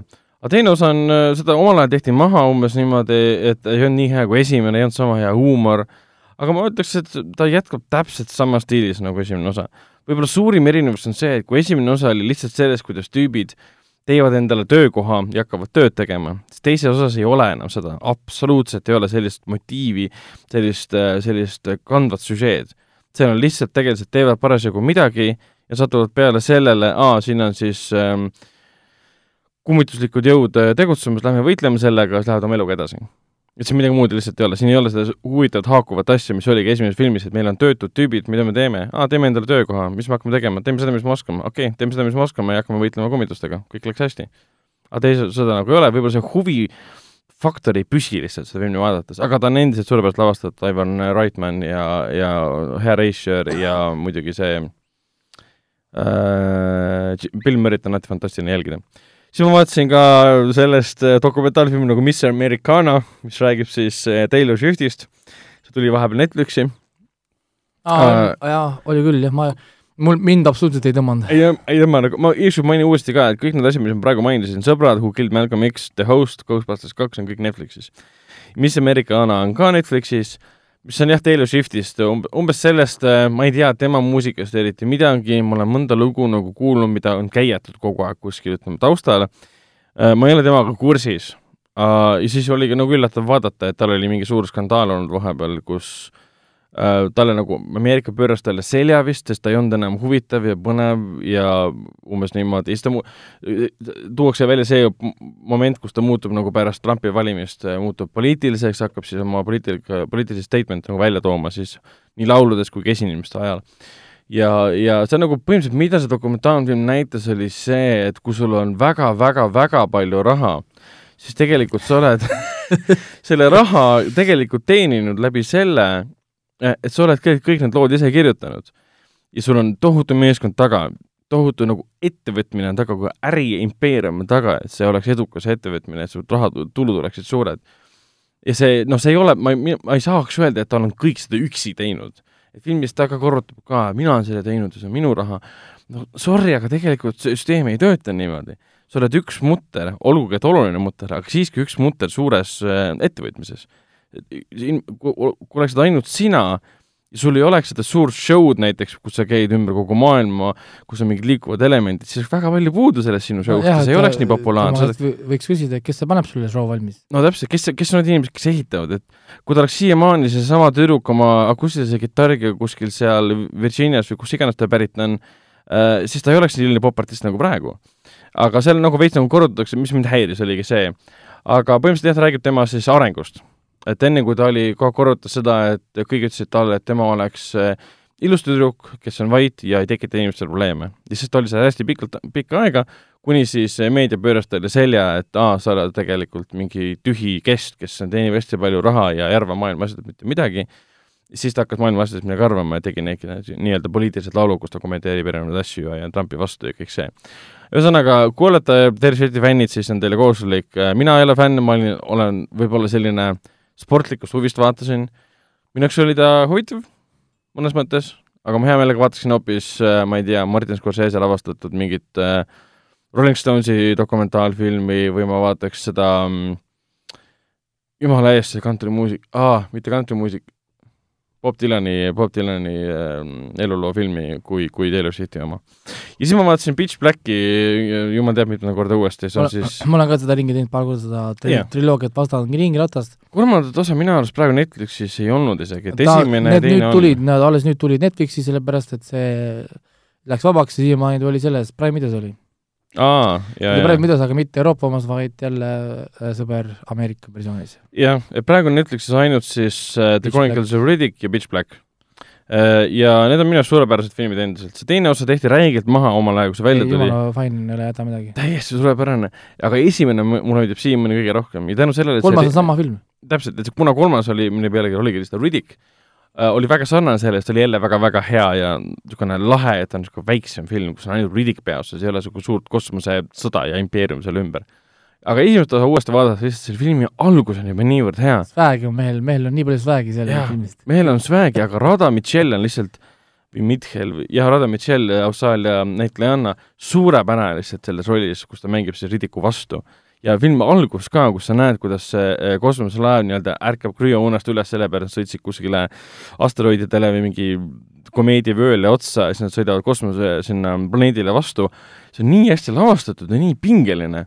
Ja siis, kui need pimedad kollid tulevad, kes kaelokatsiooni põhjal hakkavad neid jahtima seal, see, kuidas nad eks-, ringi jalutavad seal planeedil, vaatavad, miks siin on kolm päikest, miks siin kõik on surnud, mis siin juhtus, siis avastavad, tulevad kollid ja see on kõik nii hästi lavastatud, hästi tehtud, see reisijal David Tohi lihtsalt äh, tegi selle filmi, siis ta tegi Riddick kahe, siis ta tegi Riddick kolme ja nüüd praegu siis räägivad, teevad siis Riddick nelja, mille nimi on siis Riddick äh, mingi Return to Fury või midagi laadset. Furia on siis, Furia on siis äh, Rush tal. jah, Richard B. Riddiku äh, Rush on siis Furia. see sõdalaste Rush, kes peaks, peaks olema välja surnud, aga tegelikult ei ole. täpselt, siis nad tapeti niimoodi, et kui nad sündisid, siis nad poodi üles omaenda siis äh, äh, nabanööridega sellepärast, et üks Necromongeri juht oli kuulnud ettekuulutust, et üks eh, Fuuriarassi esindaja tapab ta ära. mis tappis... siis ka teises osas juhtub? jah, mis on nagu see, et siit õpetussõnad, kallid filmitegelased. kui te kuulete ettekuulutust, siis esimene asi, mida ei tohi teha, on käituda selle ettekuulutuse põhjal. jah, ehk siis sa ise viita teid? jah. mida tegi Voldemort? sai ettekuulutuse teada, et üks, see oli, äh, üks saab elada et üks peaks elama, siis peab üks surema või midagi laadset. esimene asi, mis ta tegi, läks Harry Potterit tapma ja viis täide selle. nagu ära lihtsalt käitu selle põhjalt, jäta kõrvale. Voldemort oleks maailma valitseja, kui ta ei oleks Harry Potterit tapma läinud. nojah, mõtle, et see on nagu horoskoop. noh, jah noh, ja see nekro-, nekromongerite juht oleks ka siia äh, kogu see universumi vallutanud ja teda poleks kunagi tapetud, kui ta poleks neile kallale läinud. et ta tõmbas ainult tähelepanu sellepärast, et ta läks teid tapma. ja siis, kuna ta sai tähelepanu, siis ta sai, sai, sai tulemuse. täpselt ehk siis jah, tasub, tasub eeskuju võtta. vot, sellega said meie, meie filmid, seriaalide läbi, mis me oleme kodus vaadanud, mainime ära ka kinofilmid. Eelmisel nädalal alustasid siis kinodes Seal Sonic, Lumepatrull, Jää kaks, Fantaasiasaar, Allamäge ja Kaks elu. meie neist äh, vaatasime ära siis ähm, Fantaasia saare ja siis äh, Seal Sooniku, ühesõnaga tegelikult vaatas äh, ka- äh, Raiko- Raiko vaatas ära. Fantaasia saare ja Seal Sooniku, mina vaatasin vahepeal Röövlinnud ära. Aga sina vaatasid Seal Sooniku, millest me rääkisime, tähendab Hendrik ja siis sina rääkisid eelmine kord eestikeelsest versioonist, nüüd sa vaatasid vahepeal ära inglisekeelse versiooni ma. mõtlesin, ma ikka tahan näha mm. -hmm. ja vaatasin ära ja inglise keeles on ikka palju, palju parem. on ju?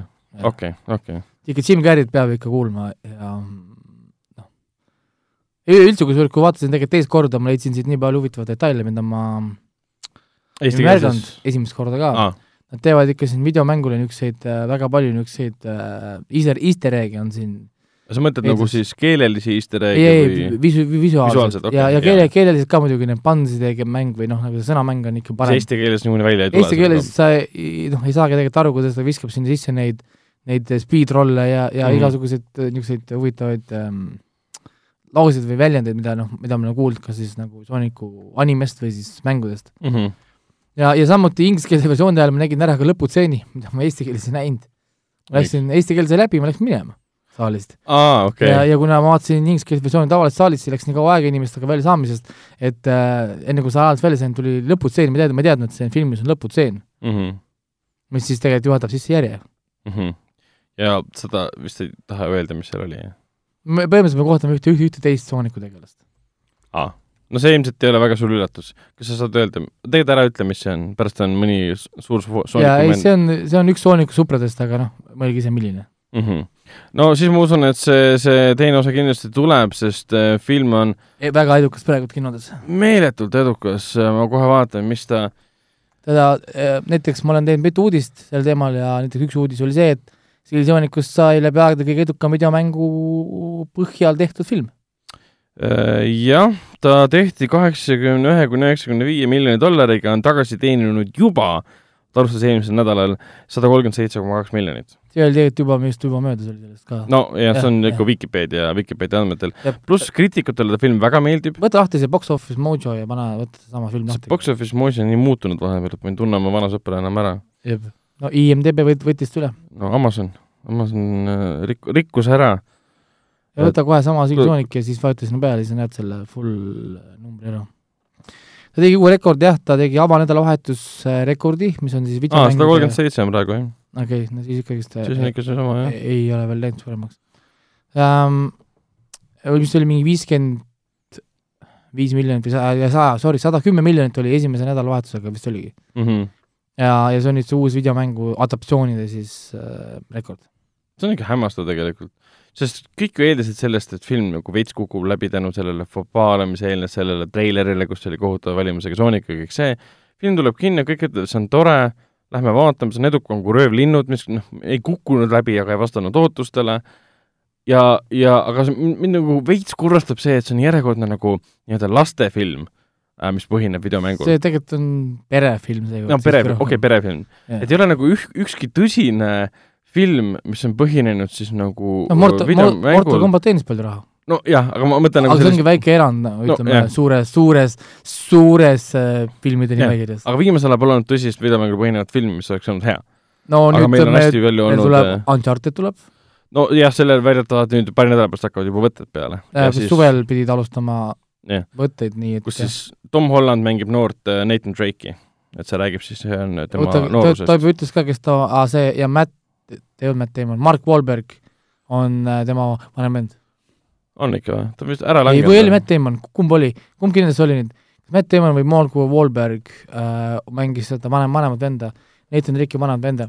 ja ma vaatasin ühte intervjuud Tom Hollandiga, kus ta rääkis natuke sisust ja ta ütles, et see on täiesti uus story äh, mm, -hmm. mängu mängudest pole seda näinud ja see on siis äh, noor Nathan Drake. on jah, Mark Wahlberg. jah, vot ja siis äh, tema ja Mark Wahlbergi film äh,, ja nii palju ütlekski, et need film ongi nendest kahest. aa, Ah, Wahlberg mängib siis Victor Sullivani. jah, et äh, ah, Sullivani oli jah, okei okay,, jah, et siis mitte, mitte, mitte, mitte, mitte vend, vaid see Sullivan okay.. aga, aga Nathan Drake'i noorust me oleme näinud ju mängudes Uncharted neljas, mis ei olnud ka väga pikk osa mängust selles mõttes. seal oli liiga, liiga noor, me nägime, vaata, Uncharted neljast oli nagu täitsa nagu laps. selles mõttes küll, aga nüüd me näeme teda nüüd, nüüd me näeme siukse nagu noore mehena. adolescence, ütleme, ütleme sest nii-öelda. tegelikult Uncharted alustab Nathan Drake on juba kolmekümnendate keskel, kui isegi Jaa. mitte lõpus. ehk siis tal on tegelikult seal kakskümmend aastat täitsa vabalt ähm, Mm. näidata, kuidas ta sai siis need, need ei nagu noh, mehiseks Tomb Raideriks. minu arust see on suurepärane otsus äh, alustada kuskilt sealt, mida me ei ole mängu äh, fännid pole varem nagu näinud. Ja see on jällegi võib-olla hea otsus, võttes arvesse seda, et sellel filmil on olnud nüüd mingi kümme erinevat reisijari, kes on ära langenud ja on tulnud uued reisijarid, uued stsenaristid ja pikka aega oli tunne, et sellest ei sünnigi mitte ah,. ja, midagi. ja teine mure oligi see, et Tom Hollandi käest küsiti, mis siis selle filmi raskeks teeb, miks kõik loobuvad, siis ta vastas selle peale, see on äh, globaalne film selles kõige paremas tähenduses, ehk siis nad reisivad tohutus koguses äh, ümber, ümber maailma. nojah, pluss ta on mõnes mõttes nagu Indiana Jonesi videomängu variant nii-öelda. nojah äh,, kes ei tea, mis on Uncharted, siis see on põhimõtteliselt äh, kui Tomb Raider või noh äh,, Doom Raider Lara Croft oleks mees. lihtsalt teeb võib-olla rohkem nalja või ei no selles mõttes, ei noh, ta ongi nagu mees, siis tal on natuke rohkem füüsilist kui Lara Croft, mis on ka tegelikult päris palju füüsilist mm.. Mm. aga noh, Lara Croft, Lara Croft kasutab ainult relvi, siis äh, näitab ikka mehena saab ka rusikatega hästi palju teha, onju. Mm. kuigi mängudes saab ka neid muidugi tulistada päris palju no.. ei, sa pead ikka, ikka tulistad, aga muidu kõik on nagu sama mm., Mm. idee on sama, loor on sama, isegi nad tihtipeale kattuvad isegi osad need äh, noh, artifaktid või ma ei tea varand, varandused siis, mida nad otsivad. noh, maailmas pole niivõrd palju äh, varandusi, unikaalseid varandusi enam alles Jah,, mida ükski mäng või film pole puudutanud. müüte jah, pole uusi võtta, et selles Mm. mõttes ja aga lähme, lähme tagasi siit Sooniku juurde ka ähm,. on sul veel midagi filmi kohta lisada nüüd võrreldes eelmise korraga? ei, endiselt väga hea film ja inglise keeles on ta parem, aga muidugi inglise keeles pead arvestama, muidugi noh, lapsi kaasa ei võta, onju. aga ei, täiskasvanu on nii mõnus vaadata ja endiselt ma olen muusika suur fänn. ma kuulasin nüüd rohkem muusikat ka Mhm. seekord ja seal on hästi palju ka originaalset nagu noh, noh, see on kõik nagu originaalne, aga mitte nagu Soonikul noh, nagu universumist juba tuntud. Ja näiteks äh, nad on miksinud näiteks sisse ka muusikat Sonic Force'ist, mis oli huvitav ja kasutasid muusikat, mis see, see Sooniku kosmosemäng, super, see Sonic on kosmoses mm. -hmm. sealt tuli mingi väikene õrn remix on ju sees. ma ei tundnud enamus ära, sest ma ei ole kõik Sooniku mänge mänginud, Sooniku mänge on, ma ei tea, sada sada viiskümmend, ma olen võib-olla mänginud, ma ei tea, kakskümmend viis. nii et noh äh,, noh, ma tundsin ära, eks kui ma oleks võib-olla nagu veel rohkem Sooniku stuff'i proovinud, mänginud, tõenäoliselt oleks see võib-olla isegi veel huvitavam, sest näha niisugused nagu noh, nips-näpsakesi pilte mm. -hmm. pilte seinte peal majades, noh, niisugused äh, hu- huvitavad asjad, mis nad sinna sisse, sisse viskavad. Mhm. no selge, see on äh, lahe, et see film on tegelikult edukas ja mina loodan, et äh, Uncharted'i film on äkki esimene siis äh, tõsine, ütleme nii-öelda, kuigi see on ka komöödia hõnguline väga äh,, tõsine äh, film, mis põhineb videomängul, mis on väga edukas nii äh, rahalises kui ka kriitilises võiks küll olla, võiks olla nagu päris film nii-öelda. Jah. kuigi Mortal Combat tuleb uuesti, kaks tuhat kakskümmend üks õigus tuleb ja, ja tuleb meil uus Mortal Combat, seal on päris palju nimesid, aga kõik olulised nimed hüppasid kahjuks alt ära, nii et ma olen juba pettunud ette. ahah, okei okay., sest Kes- esimene hoog äh,, ma olin väga ex- excited või noh, nagu põnev sellepärast, et Raid äh, filmi äh,, meil oli Raidi operaator seal, meil oli Raidi koreograaf ja Raidi stunt-koordineeter olid. aa, kogu see meeskond ma olin väga excited, sellepärast et Mortal Combat on täpselt see koht, kus neid oleks vaja. ja nüüd, kui film on alanud, me oleme jäänud ilma äh, Reidi äh, kord sellest äh, äh, stunt-koordineetorist ja operaatorist, aga meil on õnneks veel alles koreograaf, nii et äh, okay. hoia minge kinni, et nad maksaks selle palka ja hoiaks seda kinni et nad teda ära ei laseks. või, võib-olla siis, võib-olla siis see on see viimane märk, et kui tema ära langeb, siis ei tasu midagi väga oodata. ja, ja teine asi oli see, et alg-, algselt pidi olema Tony Yen Kung Lao, mis oleks olnud ka väga ideaalne, et Ip Man oleks Mm. kohe nagu müügiargument filmil olemas, selles mõttes, et ja, sul ja on, ja, Yen. ja siis tuli uudis muidugi, et kahjuks see jäi ära Mm. leiti mingisugune tundmatu nimi sinna, nii et äh, no Tony Yen on väärikas, võimas, kultuslik tüüp ka, et näitleja, et äh, ta võib endale lubada seda, et seal oli äh,, mure oli tegelikult see, et äh, ma juba üritasin välja leida ja kuskilt käis läbi quote, et liiga, ta oli liiga vana Ah. et uue, uuendatud stsenaarium, mis on Kung Lao on uues rollis, sest äh, Mortal Combati uus film on täitsa uus. see ei kasuta ühtegi mingit asja, ei võta mängu mitte midagi, ta loob täitsa uue Mortal Combati niisuguse narratiivi ja selles uues narratiivis Kung Lao ei ole enam nii vana, vaid ta peaks olema nagu päris noor Mm. mm., päris noor munk. see on küll nagu hale vabandus selle koha pealt, et see on no. nojah, fantaasiamaailm, kus on tüübid, kes Seal on- kasutavad elektrit ja kellel on hambad, mis seal on hästi suured hambad teemonid ja tuleteemonid, jääteemonid yeah., seal on ka nel-, nelja käega teise universumi mingisugused kaitsjad, seal on sortsid ja- ne-, nekromantserid, ja me räägime sellest, et Tony N on liiga vana.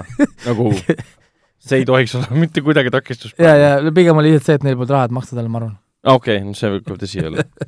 vot äh,, kuule, aga räägi, mis asi on Fantaasiasaar ja miks on see nii kohutav äh. Õudu, õudusfilm äh,, et ta on saanud Rotten Tomatoesis kümme protsenti heakskiidu, aga ometi film, film on siis Fantasy Island ehk siis Fantaasiasaar, ta on Blumhouse'i oma, mis on kuulus õudukate produtseerimise poolest.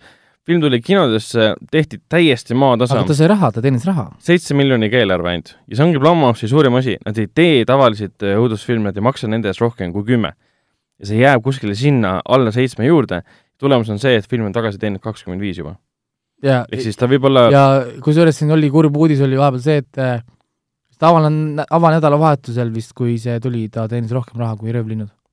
täpselt, mis nagu näitab, kui halvasti tegelikult on läinud filmi Röövlinnud. jah, kuigi Birds of Prey on saanud väga head kiitust, aga see kiitus ei väljenda mitte kuidagi selles, et nagu keegi, kui keegi ei näe seda, siis sellest on vähe abi. jah. aga, aga aga, aga Island, Fantaasiasaar, ma vaatasin selle ära, jah.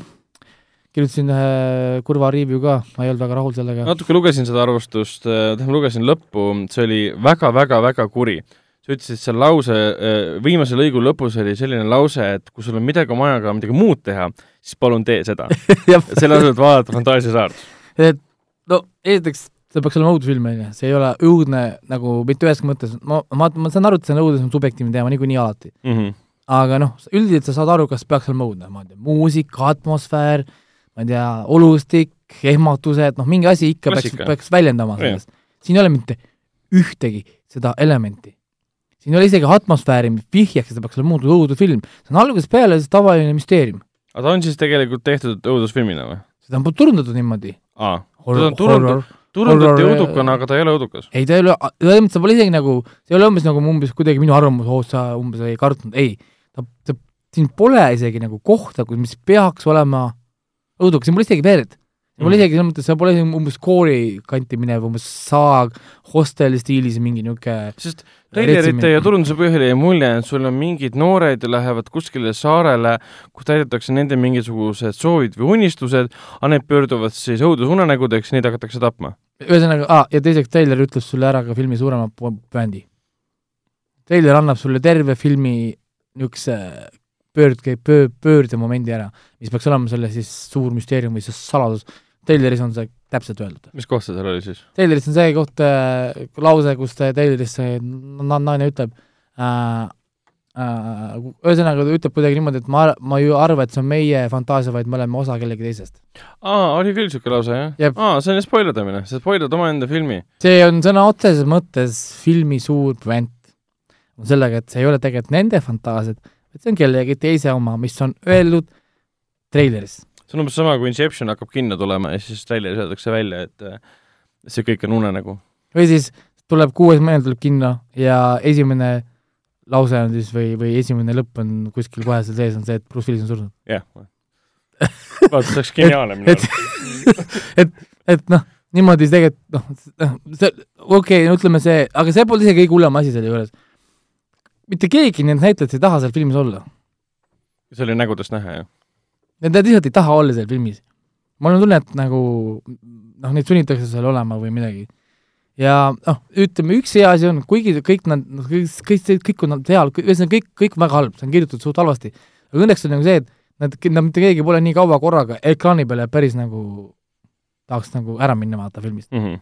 Natukene hakkab ül- üle viskama, siis tuleb kellegi teise fantaasia, nad hakkavad väsima, tuleb teise fantaasia, ehk siis see noh, sa pead alati uuesti hakkama väsima, nagu ma ütlesin, et iga kord nagu okei okay,, aga jälle, jälle.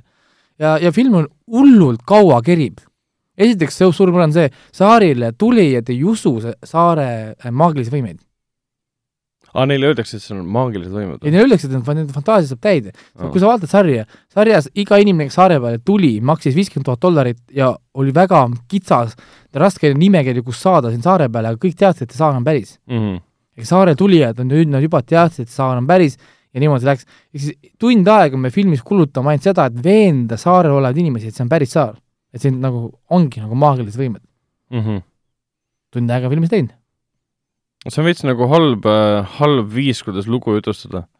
seda, ei, seda see- peaks tegema ära esimese mingi viis minutiga. ja, ja, siis ja minema looga edasi. ja, ja siis nagu tund aega filmi filmist ära, hakkad vaatama, mis on, meil on kolmkümmend minti jäänud veel, noh nagu või pool tundi on filmist jäänud. ja siis hakkavad nagu asjad nagu toimuma, aga kõige hullem on nagu see, et see nagu osa, nagu ma vist seal review's ka panin, siin ei ole nagu fantaasiat, ehk siis mõtlesid ühe asja välja, mis hakkab kõikidel, kõikidel minema halvasti nendes fantaasiates. ja Mhm. kõikidel üks ja seesama asi. mm. -hmm. täpselt samamoodi läheb halvasti kõikidel on täpselt üks ja sama asi wow.. ehk siis neil, neil oli ainult üks, üks idee ja see on halb idee, mis on nagu igal pool sama see on veits nagu, sul on Fantaasiasaar filmi nimi, aga sa oled fantaasiavaene seda filmi tehes. et see oligi see suur irooniline nagu asi siin. ja nii ongi, see film lõpeb lihtsalt ära niimoodi ja nojah, tore film ja film lihtsalt saab otsa ja mingil põhjusel see lõpeb umbes sellise ideega, et nagu võiks tulla järgi, aga jumala eest aitab küll.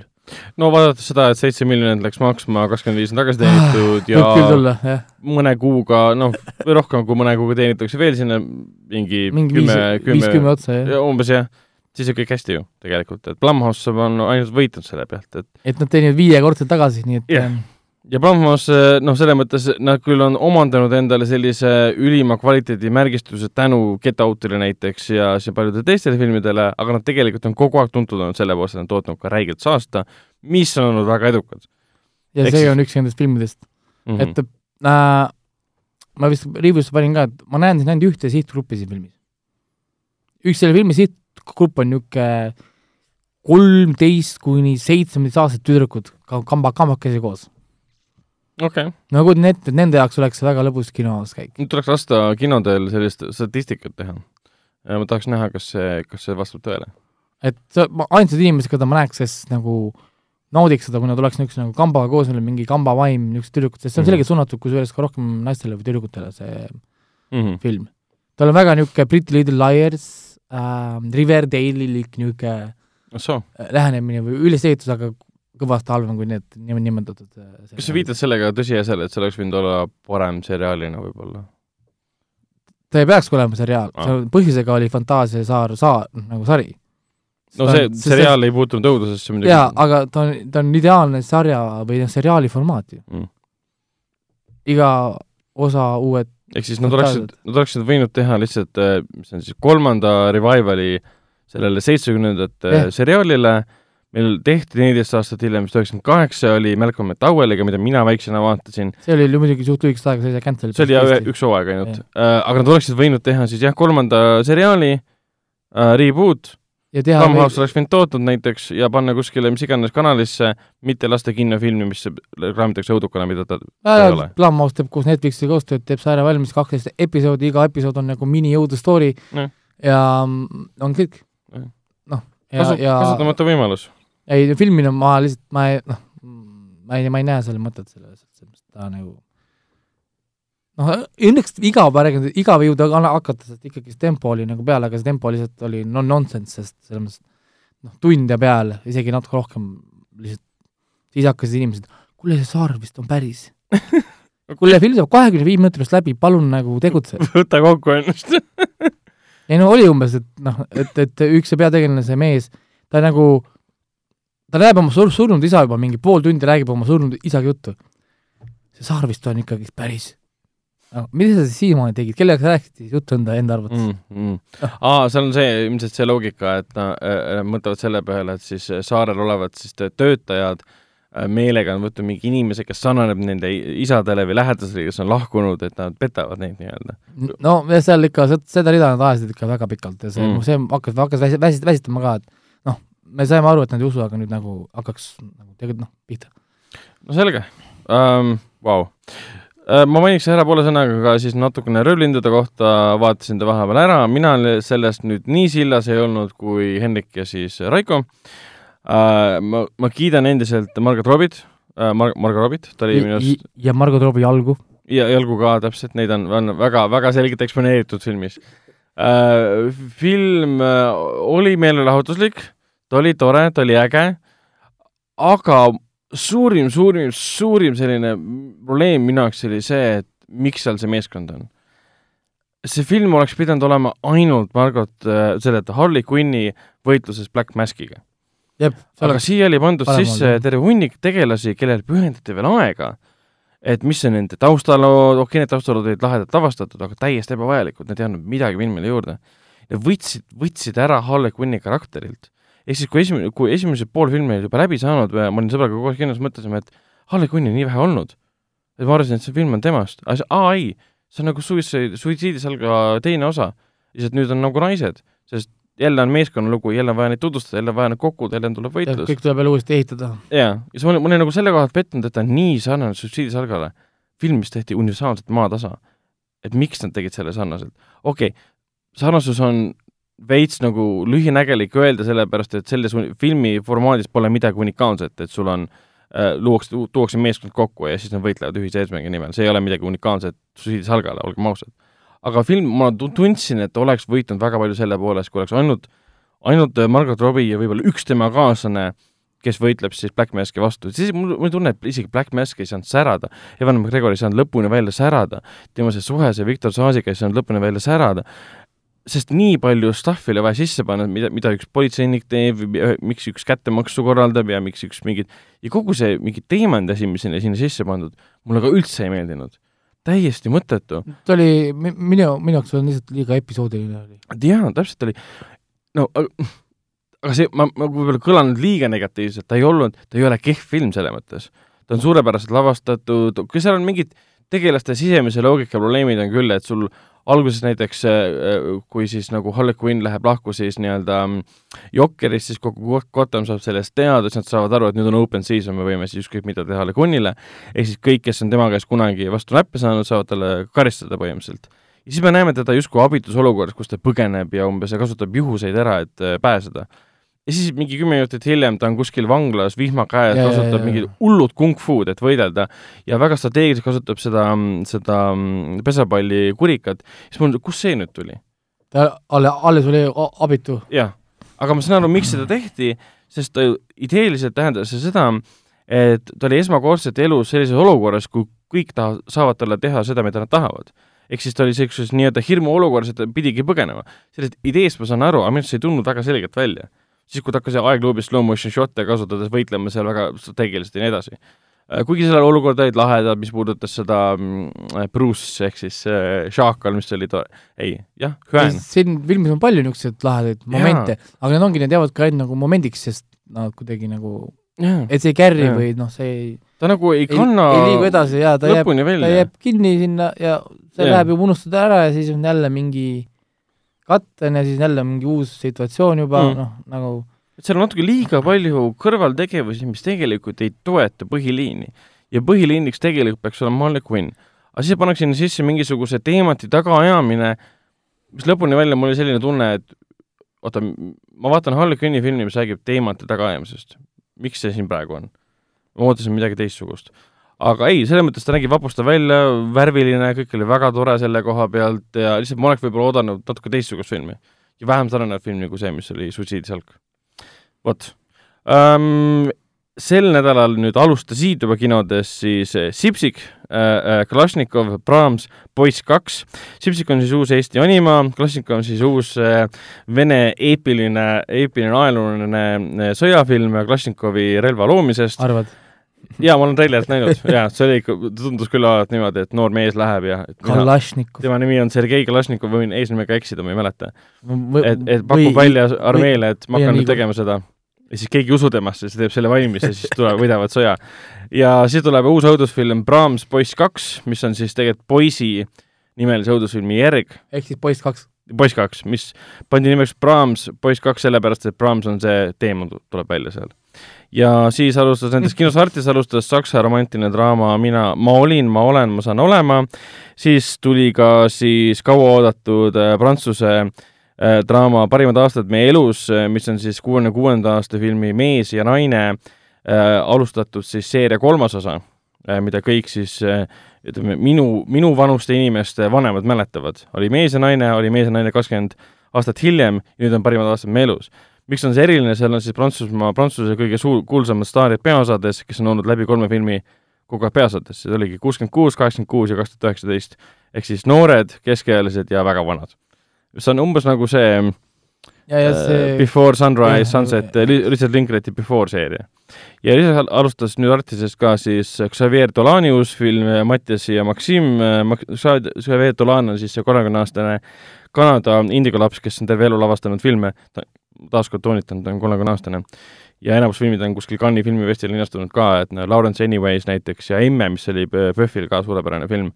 ja tal hiljuti oli üks suur film ka Kit Haringtoniga, see mm, Secret Life of äh, John F Donovan, mida mitte kuskil välja ei antud, sest kõik kriitikud vihkasid seda. ehk siis äh, Jon Snow. jah, või jah, täpselt, Jon Snow. ja siis alustas ka selle siis äh, tõenäoliselt selle aasta isegi ük- üks rõvedamaid filme Kuldne kinnas, mis on Fate Akini uus film, see on tema esimene õudusfilm ja see on õudusfilm siis seitsmekümnendatel Hamburgis tegutsenud sarimõrvarist, kes tükeldas äh, prostituute. see oli Ja- kusjuures huvitav, kui ma jagasin seda, et see film tuleb, siis äh, päris palju inimesi olid näinud seda juba jaa, PÖFFil, PÖFFil. jaa, vaadata ära. siis kõik kommentaarid olid äh, ühtsed seal Facebookis. rõve oli see film küll, et selles mõttes, et tõesti, et noh, ja siis kõik kommentaarid keskendusid sellele, kui vastik seda vaadata. ja siis, kui ma proovisin küsida, et kuidas film muidu oli, aa ei, vot seda ma ei tea, aga film on rõve. jah nii et äh, äh, ainuke asi, mis ma siiamaani nagu olen kuulnud, et film on hästi jaa, seda ma soovitan kindlasti vaadata, sest ütleme niimoodi, filmi, kui sa arvad, et see film muutub rõvedaks, siis te eksite. filmi esimesed kaadrid algavad kohe äh, teatud sorti tükeldamisega. Et see nagu film läheb full on kohe. ja kui ta Berliini filmifestivalil eelmisel aastal linnastus, seda kriitikud tegid maatasa, et see glorifitseerib vägivalda, see on liiga vastik ja rõve, miks seda vaja oli, ta justkui üritab siis nagu kaastunnet leida siis sarimõrvarile, et issand, kui vastik film ja üks is- isegi IndieWire'i või, või Playlisti arustaja kriitik leidis, et see on üks kõige rõvedamaid filme sarimõrvaris kunagi. mis mul tekitas tunde, oota, see on siis rõvedam kui äh, Lars von Trieri The House That Jack Built? siin on, noh, see tegelikult hakkab, kui niimoodi vaadata, siis siin saab kindlasti leida veel, veel noh, nagu jah, jah, seda kindlasti. kuule, aga nüüd räägime natukene siis Sipsikust. Mina mina see, mina pole kahjuks Sipsikut näinud, aga ma olen väga-väga kursis selle jamaga, mis selle ümber toimub. suur Eesti jõudusfilm äh,. Jaa, värske. kaks tuhat kakskümmend. Chucky, Chucky Eesti versioon. jah, et Sipsik ärkab öösel üles ja läheb Anule kadale, onju. põhimõtteliselt on siis äh, sün-, sünopsis vähemalt äh, selline mulje jäi äh, ennem siis, kui see film ilmus, ilmus äh, välja. ja see oli niimoodi, et nad hakkasid tegema eellinastusi või noh, nagu klassidele ja kool, Mm. koolidele siin juba nädalavahetusel.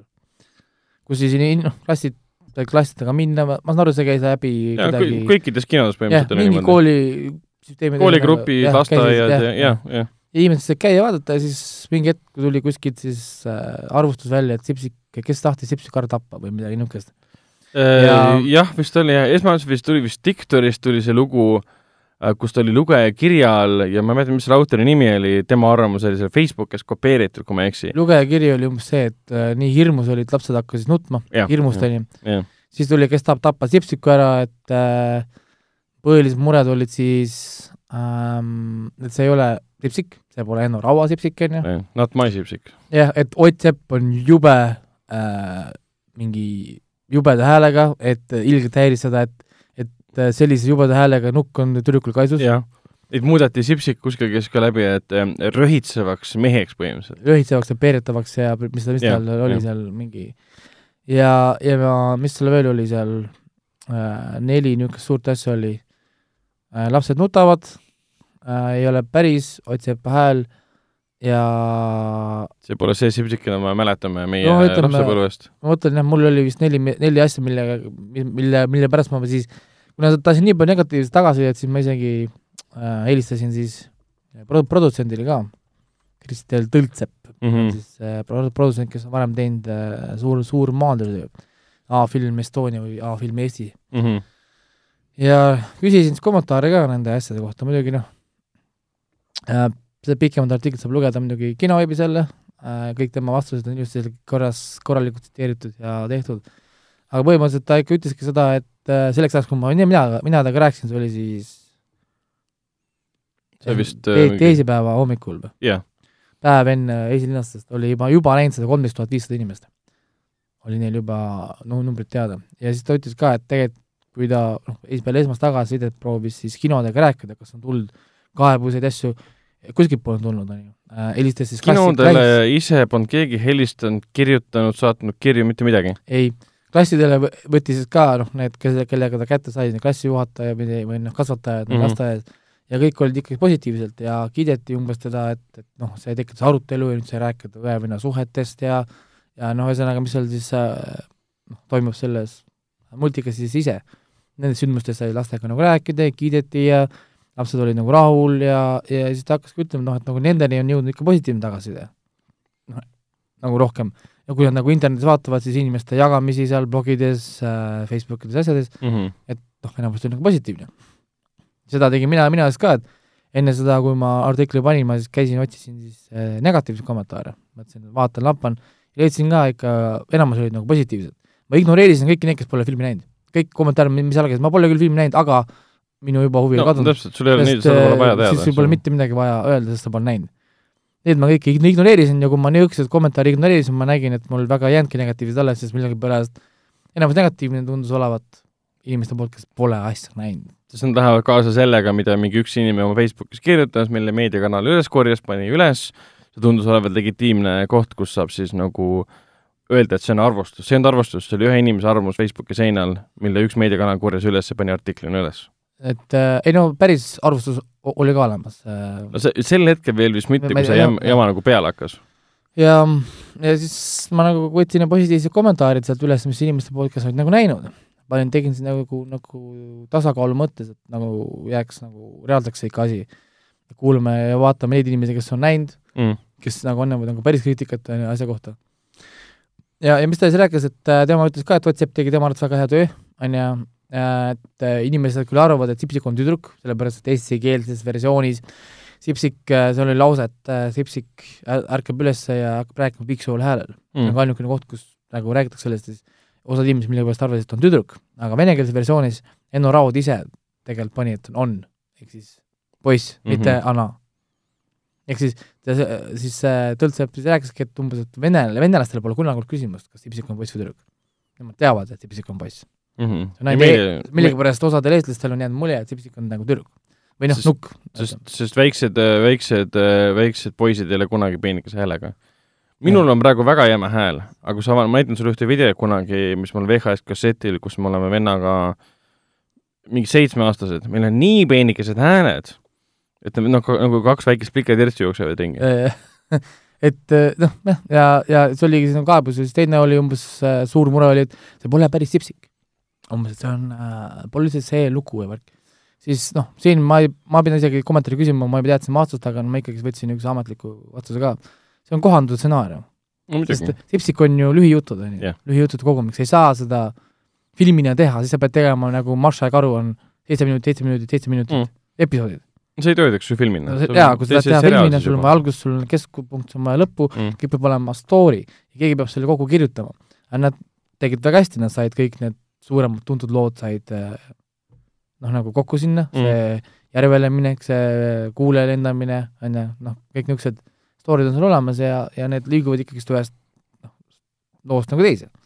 jaa, ja selle koha pealt oli väga hästi nagu paigas, aga noh, kommentaarid ikka olid, see ei ole ikka päris Sipsik kuigi äh, nad jäid nii animatsiooni koha pealt täiesti truuks Edgar Valteri nagu, nagu stiilile, stiilile, et nad ei hakanud seda 3D-ga uuendama, nad ei hakanud seda kuidagi tänapäevaseks modernseks versiooniks animatsioonist äh, tegema. ja selles mõttes, et ta on ikka värviline jaa, ta, ta on värvilisem ja kohati nagu kumeramad jooned kui mm. Valteril, aga see on Valteri sipsik, see on Anu, mis et kohe saad aru, et see on nagu Edgar Valteri oma? mis Edgar Valter nagu tegi, huvitav oli ka see, et esilin linastusel me nägime näiteks vana intervjuud ka Enno Raua ja Edgar Valteriga, mida mm, -hmm. mida tegelikult kuskil mujal ei olnud, kui ainult esi, linastusel mingi kaheksakümnendatel äh, mingi ERR-i mm -hmm. saadev asi, kus Enno Raud ise ja Edgar Valter mõlemad on seal ja räägivad, kuidas see kõik nagu toimus või kuidas see tuli, see oli kusjuures väga huvitav osa. noh, nagu enne seda filmi, mingi niisugune, ma ei tea, viiskümmend minutit niisugune tipp, kus Enno Raudus räägib, kuidas Sipsik tuli, noh, kuidas siis hetke tema Edgar Valteriga kohtus ja kuidas siis Edgar Valter hakkas maha istuma, joonistama lihtsalt erinevaid sipsikuid.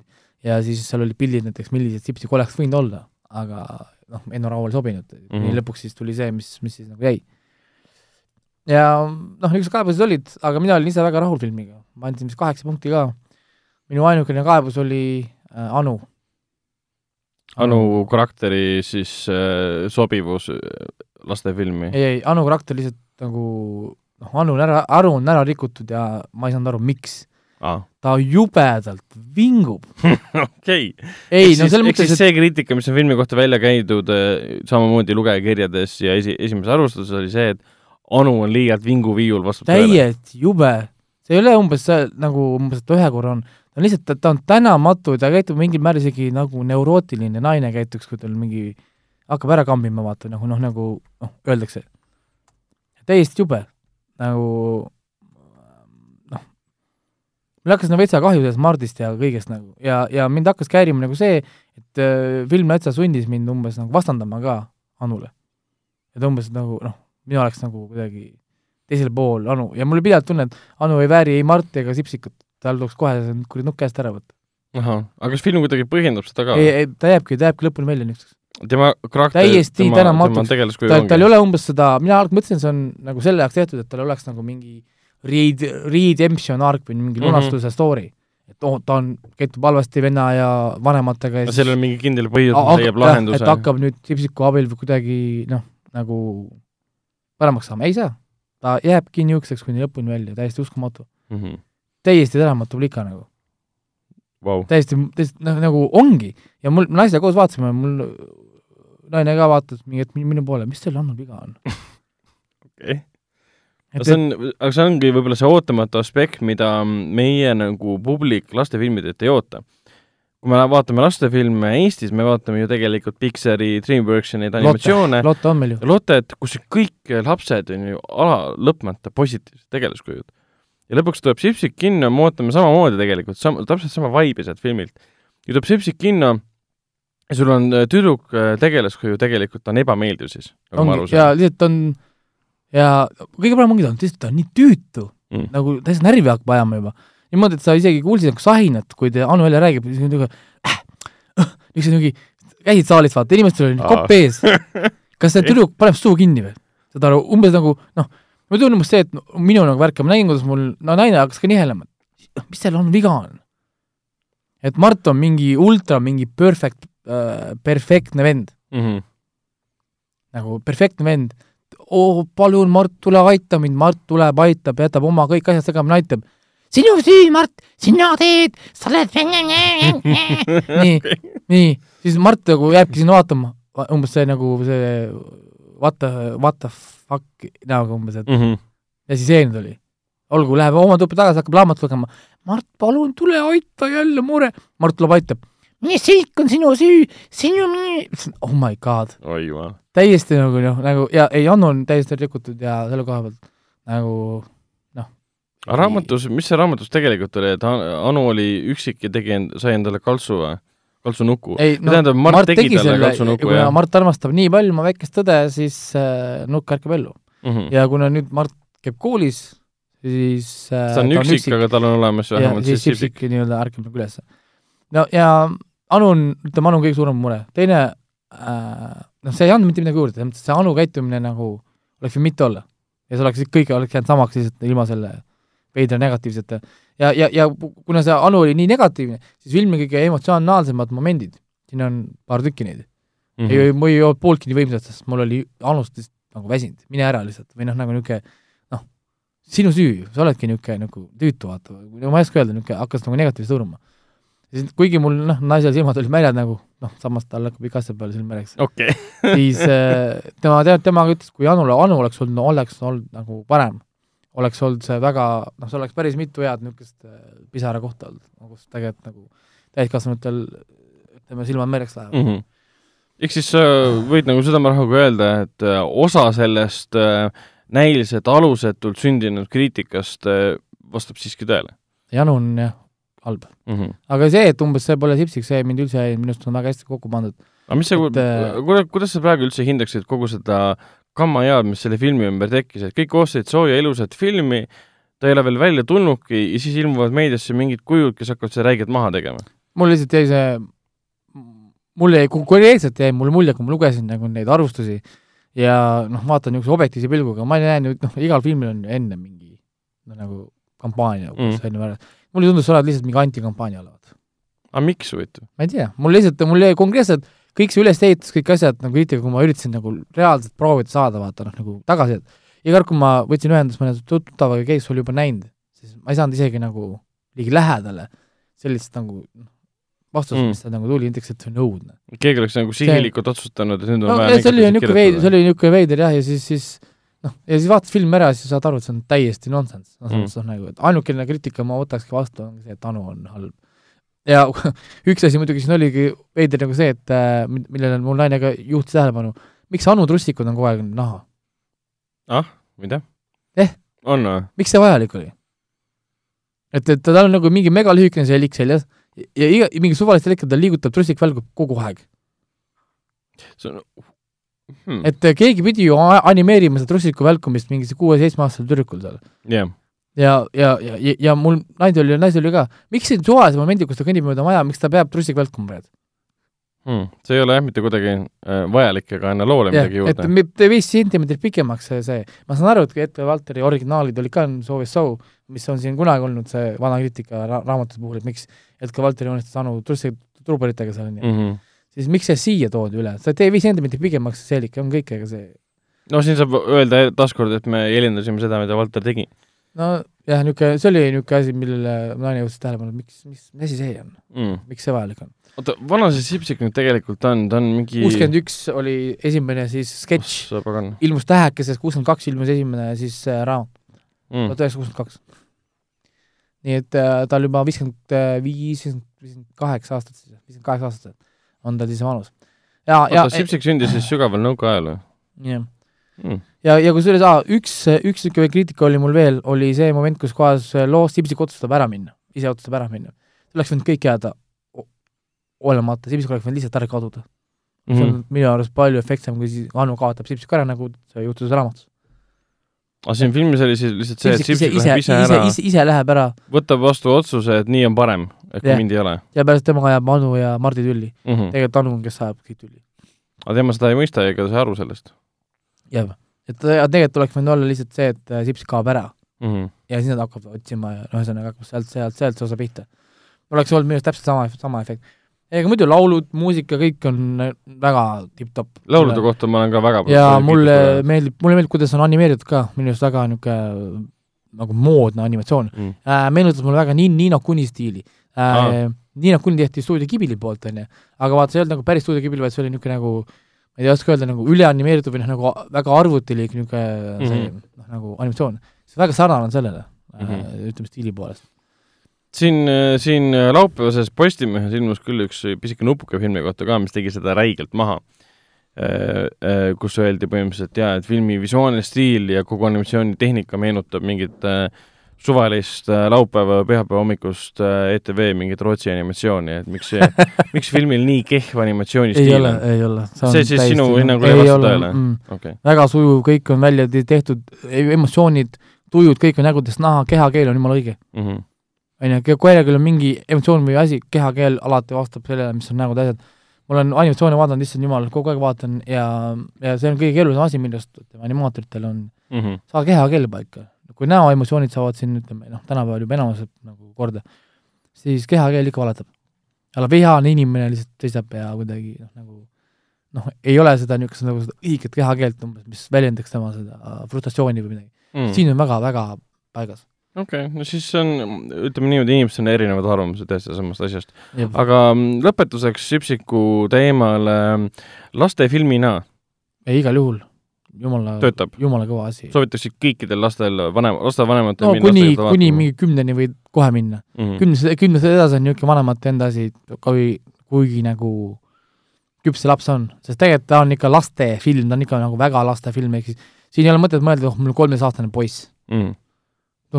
ta võib küll nagu, noh, ta võib nautida küll seda, aga ma pigem usun, et tema vaatab seda juba sellise pilguga, et ta on harjunud millegi muuga juba. noh, ma vaataks seda uut Transformersi filmi võib-olla rohkem umbes. või mingit uut Marveli no filmi jah, või uut Pixari animatsiooni jah, no täpselt. sellist, et jah. äh, pigem vaataks seda, vaata. Mhm. et ja noh, lapsevanematele on nüüd ainult see nostalgia pool. et ta on ikka lastele tehtud, dialoogid kõik on ehitatud üles nagu noh, väikestele lastele mm. -hmm. sina täiskasvanuna võib-olla pigem vaatad, tahaks küsida, miks nad üt-, noh, nii räägivad või miks nad naa, sellepärast et see on tehtud viieaastasele. Ja nende jaoks tundub, et see on vähemalt sinu arvates ei, lapsed Ideaalne. kõik saalis ringi vaatasid, kõik silmad punnis No. äh, ekraani peal, keegi kas need jutud, et inimesed, lapsed hakkavad nutma saalis äh, ma ei, ma tahaks nutma võib-olla ainult sellepärast, et see on lii-, liiga kurb. aa, teatud kohad seal umbes tipsik läheb ära ja seal on veel mingid momendid. aga noh, et see hirmus oli, see on, see on täiesti absurdne nonsense, see, on- see on. täiesti nonsense. hirmus ja solvav kuidagi lastele kõlbmatu käisid niisugused kommentaarid läbi umbes niimoodi. mina tahaks sellele vanemale öelda, et äkki hirmutaks oma, oma lapsi siis, et äh, nojah, või hirmutaks oma lapsi vähem, igatahes me ei hakka siin õpetama, kuidas oma lapsi kasvatada, aga Sipsikut tasub kindlasti vaadata. vot, aga lähme selle noodi pealt uudiste peale edasi, mainime mõned uudised ära. Raiko, üks uus äh, seriaal, tähendab seriaali siis kolmas hooaeg tuleb nüüd viiendal märtsil kohe juba Netflixi, mis, mis see on? Castlevania season kolm, jah, kolmas hooaeg. on kolm, jaa, täpselt, mina olen esimese hooaja ära vaadanud, teist pole veel teine vaadanud., see on nii hea asi mul vend, Hendrik vaatas siis esimese teise kohe otsa ära, teiega. mina vaatasin esimese, pidin ootama seda tobedat teist nii kaua ja, ja nüüd tuleb lõpuks kolmas, nii et viies märts ma juba tean ähm,, läheb äh, vaatamiseks. kusjuures täna, kas on tänasest või, või oli kakskümmend? Äh, mis asi tänasest? oota, ma korra vaatan, see tänasest viies ähm, üks, see ko- kolmapäeval tuleb see I m not okay with this. Aa jaa, jaa, jaa, See- Sofia Lilisega, jaa, see näeb ka väga hea välja. kuidas ta nimi oli, igatahes seesama äh, naisnäitleja, kes mängis Hit, It, Iti esimeses filmis, It chapter ühes, ja Grete Hans, Hans ja. Gretel Hansen täpselt ma vaatasin selle treileri ka, see on siis ikkagi seriaal, ma sain aru ja see on siis neius, kes avastab, et tal on võimed. põhim-, peaaegu. aga see tundub olevat hoopis täiesti teisel nurgal. see tundub. olevat jah, väga teisnurgalt, see on nagu tema Tyre'i stiilis, aga ei ole ka, ehk siis eh, niisugune, praegune info selle kohta ongi niisugune kaheti mõistetav, nad viskavad niisuguseid nagu nupukesi mm. ja, ja mulle meenutab, kusjuures mulle meenutab see promo väga Stranger, Stranger Thingsi ka, promo, kui seda esimest korda nagu pro- promoti, siis tehti samas stiilis, lisati nagu niisugusest nagu infot, mis tegelikult täna sul mitte midagi mm. -hmm. nagu, aga siin on võib-olla tüdruk, kellel on superpowerid, võib-olla. see, et noh, saad aru, mingi niisugust, mitte midagi ütlevad sulle ja lõpuks oli tule kõva, jumala kõva, nii et mul veitsa nagu võib-olla haibin enda jaoks liiga üles, ma ei tea. nojah, sest seal treilis oli ka umbes niimoodi, et võime on äh, asju lüüa eemale ja korraks õhku tõsta neid, ehk siis jääb mulje, et tal on võimed, aga ta ei tea, mis need võimed endast tähendavad ja põhineb emotsioonidel, kuna sinna pandud teatud vanuses äh, tüdruk või siis äh, jah, nagu neiu peaossa, siis ma eeldan, et need võimed on kokku pandud siis inimese kasvuga, et see on coming of age story, kus ta võimed kasvavad samal ajal kui tema. no eks see näha ole, aga iga, igal juhul see tundub olevat selline äri, millest tõenäoliselt inimesed räägivad siin juba järgmine nädal päris palju. jah, siis räägimegi sellest juba siis ka pikemalt ka. oota, ei ole järgmine nädal ju? On ikka. viies äh, see tuleb kolm, ei, viies on Castlevania, aga see ja, tuleb, äh, see, see tuleb kolmapäeval, jah, kõik on, kõik on hästi. kahekümne kuuendal. jah, täpselt. Räägime korraks äh, sõpradest veel kord, sellepärast et nüüd hiljuti tuli just äh, uudis äh, välja, et mais alustab HBO Max, mis on siis HBO enda striimingteenus. ja sinna siis äh, tuleb ka sõprade ähm,, see reunion on, kokkutuleku erisaade. keegi ei tea, mis see saade või see show endast siis kujutab, see on unscripted ehk siis kas see on uus episood lihtsalt Sõprades, see, millest on mingi viisteist, neliteist aastat on möödas, või see on lihtsalt nad näitlejad tulevad kokku, keegi täpselt ei tea. Aga me teame, et kõik näitlejad tulevad tagasi ja kõik näitlejad äh, saavad selle eest umbes äh, kaks koma viis miljonit dollarit. ehk siis Warner Brothers, HBO, kõik maksavad äh, neile need suured summad ja nüüd ma tagantjärgi saan aru, et aa, nüüd ma saan aru, miks need näitlejad vahepeal endale kõik mingid Instagrami ja Twitteri ja mis iganes kontod tegid. no see Jennifer Aniston tegi ainult selle morning show pärast, et ta väidetavalt siin olid ju kuulujutud, et ta sai kümme miljonit dollarit, et teeks omale Instagrami konto. kellelt siis? Apple Apple, Apple'i käest. Issand jumal, asus, keegi rääkis sellest varem juba ka. Jeesus Kristus küll. aga noh, see ju toimis. Palju- vaata, milline, ta oli ju kohe ju üks, kui, kui, kus ta sai kõige popimaks või? jah, jah. jah, kohe mingi nädalavahetusega ja esimesed postitused, postitused ja kõik, mis ta tegi, oli muidugi The Morning Show. Eh, jah, ja siis äh, kõige populaarsemad põhjused muidugi see, kus ta pani seda ühispilt sõprade Jah. näitlejatega. Ja igatahes jah, siis äh, maikuus see, see tuleb sinna HBO Maxi, mis meie jaoks tähendab seda, et me tõenäoliselt siin Telia HBO-s seda ei näe, sest see on siis eksklusiivne HBO Maxi jaoks. ja HBO, HBO Max Eestisse ei tule, sest see on praegu ainult USA-s. see asja nimi on äh, VPN. asja nimi on VPN täpselt jah. ja üldse praegu ameeriklastel on kurb aeg, sest äh, Friendsi või noh, sõpru pole praegu USA äh, Netflixis. Euroopa omas on, aga nendes ei ole, sest neil ei saa olla, sest see kadus aasta alguses sealt ära, isegi eelmise aasta lõpus kadus ära, kuna ta läheb nüüd HBO Maxi üle. ostsid mingi rekordite summadega selle. vot, räägime korraks veel videomängudest, äh, sest ennem rääkisime siin, et Unchartedi, Unchartedi Sony Äh, seeria põhjal on tulemas film, äh, mille võtted juba varsti algavad. sellel aastal hakkab, hakkab veel üks võtteperiood peale ühel, ühel videomängul põhineval filmil, tegemist on siis Borderlandsiga, mille kolmas osa eelmisel aastal välja tuli ja Borderlands on siis Gearboxi ja siis Take-Two, jah? jah, Take-Two Take, Take annab välja, Gearbox toodab väga-väga-väga populaarne looter shooter seeria. see on põhimõtteliselt multiplanet äh, treasure hunt jah yeah., first person shooter, kus sa tulistad koletisi ja teisi inimtegelasi. ja selle põhjal siis hakkab Eli Roth Lionsgate'i jaoks äh, tegema filmi. Eli Roth muidugi, teda me teame enamjaolt äh, tuntud produtsendi, stsenaristi ja ka režissöörina äh,. näiteks tema tegi Hosteli ja siin viimasel ajal ma olen vaadanud, ta tegi selle Green Inferno, vist oli ka inf-, Äh, Netflixis. ma siis mõtlengi, et kui ta teeb õudusfilmi, siis Borderlands pole õudusega kuidagi seotud. jaa, Borderlands on, vähemalt minu silmis, kui sellist film teha, see on kallis, eepiline blockbuster, kus sul on kolm-neli tegelast korraga juhker sci-fi on. täpselt, ulmeline sci-fi blockbuster, kus sa sõidad erinevate planeetide vahelt äh,, fantastiline düstoopiline maailm, kus sa võitled erinevate olenditega, väga palju CGI-d, väga palju arvutiga loodud mis iganes efekte. võib-olla hea võrdlus oleks mingi Mad Max in Space. täpselt, ta oleks nagu Mad Max Fury Road, aga veelgi värvilisem ja veelgi äh, see mitte sisukam, aga hästi palju asju täis topitud. ja, ja hästi suur fookus peab olema muidugi karakterite ise, iseloomudel, kõik ja. iseloomud on üle paisutatud, paisutatud igas aspektis ja pluss relvad.